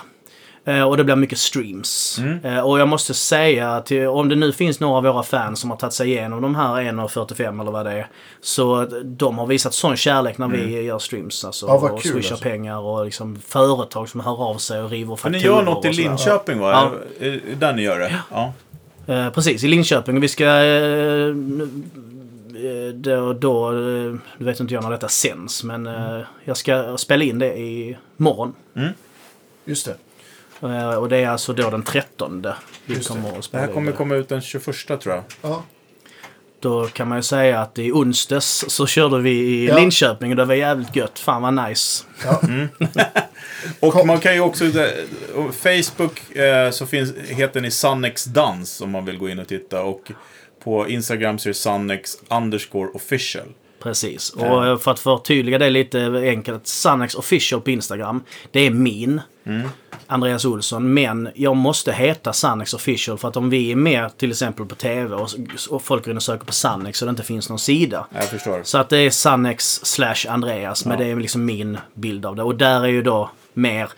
Jag försöker lägga ut mer gitarrgrejer också. Men jag måste tänka brett. Ja, men det är såklart. Ja, och såklart. eh, webbsidan är sannex.nu för den som... Där kanske man kommer åt allt ifrån. Ja, precis. Ja. Sannex.nu, Facebook, eh, Sannex Dans och Instagram Sannex official. Vi kan, eh, jag tänkte så här avslutningsvis så skulle det bara på ett cleant sound vara roligt att jämföra att du spelar samma räka på din favotele stallmick och den här stallmicken.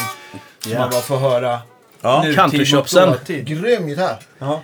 Den behöver eh, ställas in. Eh, Jag har Ja. inte gjort det än. Det är alldeles för låg sträng. Kan Danne göra? kan Danne fixa. ja, det fixar vi. Men... ehm, Men nya plattan då, har ni, har ni, för du har väl en studio också har jag förstått? ja, precis. Har Men ni spelat in den i din studio då eller?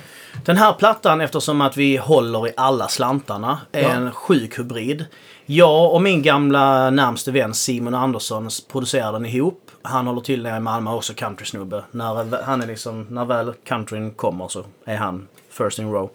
Men ehm, vi har spelat in trummorna hos eh, Stefan Jonsson som ni hade här. Ja. eh, Med Johan Fransson på Ja, trummor. Eh, Som för övrigt, herregud vilken duktig. Han är Nashville-kvalitet på han i studion alltså. Jag satt bara och gjorde tecken utanför fönstret. Han bara ah, okej! Och satte det liksom. Men eh, så att eh, det är blandat faktiskt Ja. den här gången. Men eh, mycket i min studio, eh, mycket mixas i Simons studio i Malmö och sen lite bandningar lite här och där. Ja. Men eh, alla guror får väl stämma till den här. Skriver du låtar också? Ja, jag skriver mycket. Och det är mycket därför jag är i Nashville, för att skriva och liksom... Eh, skrivandet är det jag tycker bland det roligaste. När vi låg på BMG så var jag även signad låtskrivare. Nu när vi är på Warner så sitter det lite längre in. Eh, Så nu är vi där som... Nu har vi skivkontrakt där men jag skriver inget officiellt för dem. Nej. Så, nu är det alltså 56 tele får vi väl kalla det. Ja, visst. Ja. Okej, ja Och, visst. och stallmick va? Stallmick måste det ju vara. Ja, absolut. Det är det enda som... Ja men denna här är ju sån så att uh, halsmicken är ju bas. Ja, just det. Sitt. Kondry. Precis. Den byter man ju ofta. Ja, och just det. Så det går inte att få ett äggläge på den där helt enkelt. Då. Nej, det är inte ens... Nej. Ingen hals. Nej, halsmicken är i mitten på den där. Ja, det är så de Ja. tänker. Vilken med lite kompressor nu då, eller? Ska vi köra? Då kan vi lika bra... Ja.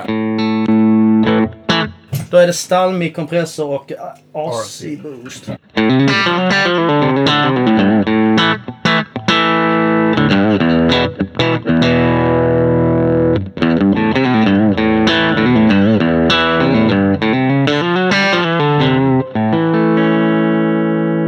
Yes, Ja. då får du byta snabbt. Snabbt.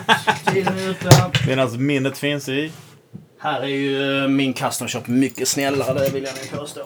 Ah, fan Jag tror den hamnade där någonstans. Där. Ja.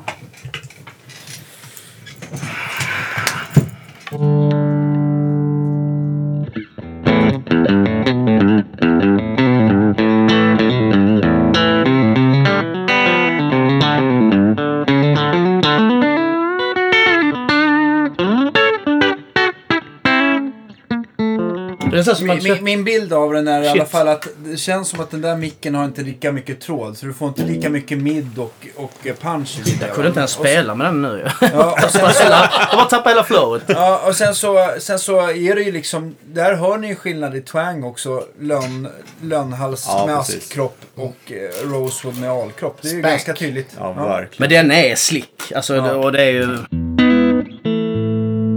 Men den behöver stämmas. Ja. återigen. Men det var ju intressant även för mig att bara så A-B-testa så Ja, snabbt. men det var, det var... Verkligen. Men du, vet du, det, vi har ju en sån här sista fråga. Är det, det är nästan din Danne, den frågan. Är, är det min Ja, fråga? du, du, du, vi tycker, jag tycker du gör den Ja, bäst. jag med. Ja, eh, men vilken är den sista gitarrgrejen som du kommer sälja? Eh, oj, ja. Det är ju någon av de här två. Eh, det låter ju konstigt.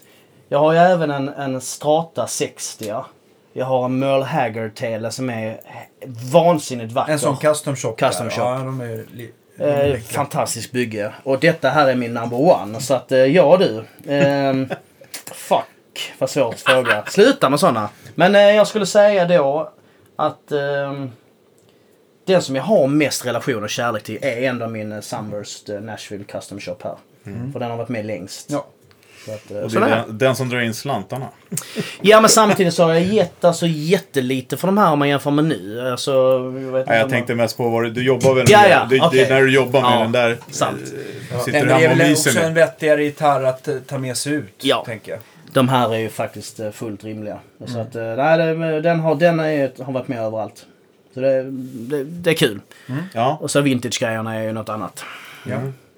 Superroligt. Eh, Yes. vi, vi lägger upp lite länkar och framförallt och hoppas de här äckliga tjuvarna eh, ger tillbaka sina prylar. Ja, Eh, vi ska tack- tacka våra Patreons också. ja, Ja. stort tack för Ja. alla, oss, alla ni som stöder oss. Ja, precis. vi det kan hålla på uppskattar vi jättemycket. Ja. Och det får gärna bli fler. Ja, Ja, det Och- Och, det- och det- inte. och Nej. det funkar ju så att, att man ger ett, eh, ett belopp per månad. helt Valfritt. Valfritt. Det kan vara 100 000 miljarder per månad eller en Minst. euro per månad. Ja, precis. Så att eh, vi är tacksamma för allt. Har ni Allt också stöd. Patreon med Sonics? Nej, det har vi inte. Nej, det borde ni titta på kanske. Ja, vi eh, har inte eh, kommit dit. Nej. Men Ja. eh, vi har ju haft lite Swish-verksamhet nu när vi har kört Ja, stream och ja, sådär. precis. men eh, det ska jag kolla upp. Ja. ja, men som sagt, vi ska tacka, vi, vi, vi tackar era fans också, som du säger.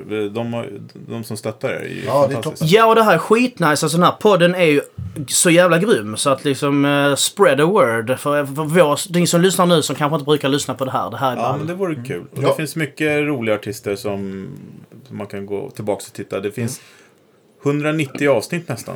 Åh shit, ja det är det. Ja. Och vill man ha en mjukstart i vår bransch så kan man lyssna på Stefan Jonsson. För att han är liksom eh, ganska nära oss. Om man, om man tycker vissa saker är inom situationstecken för nördiga så pratar han eh, lite närmare Du menar att språk. man ska inte börja med Björn Jul del 1? Nej, men till exempel. Nej, del, del två var nog en Del två, äh, del två var det? många. Ja. Ja. Ja, men, eh, Ja, ja. Andreas Olsson, tack så jättemycket Stort för att du kom hit. Superkul att vi fick till det. Eh, gå in på sannex.nu ni som vill veta mer. Tack våra Patreons. Tack helt enkelt. Hörs om en vecka igen. Det gör vi. Tja! Hej. Hej.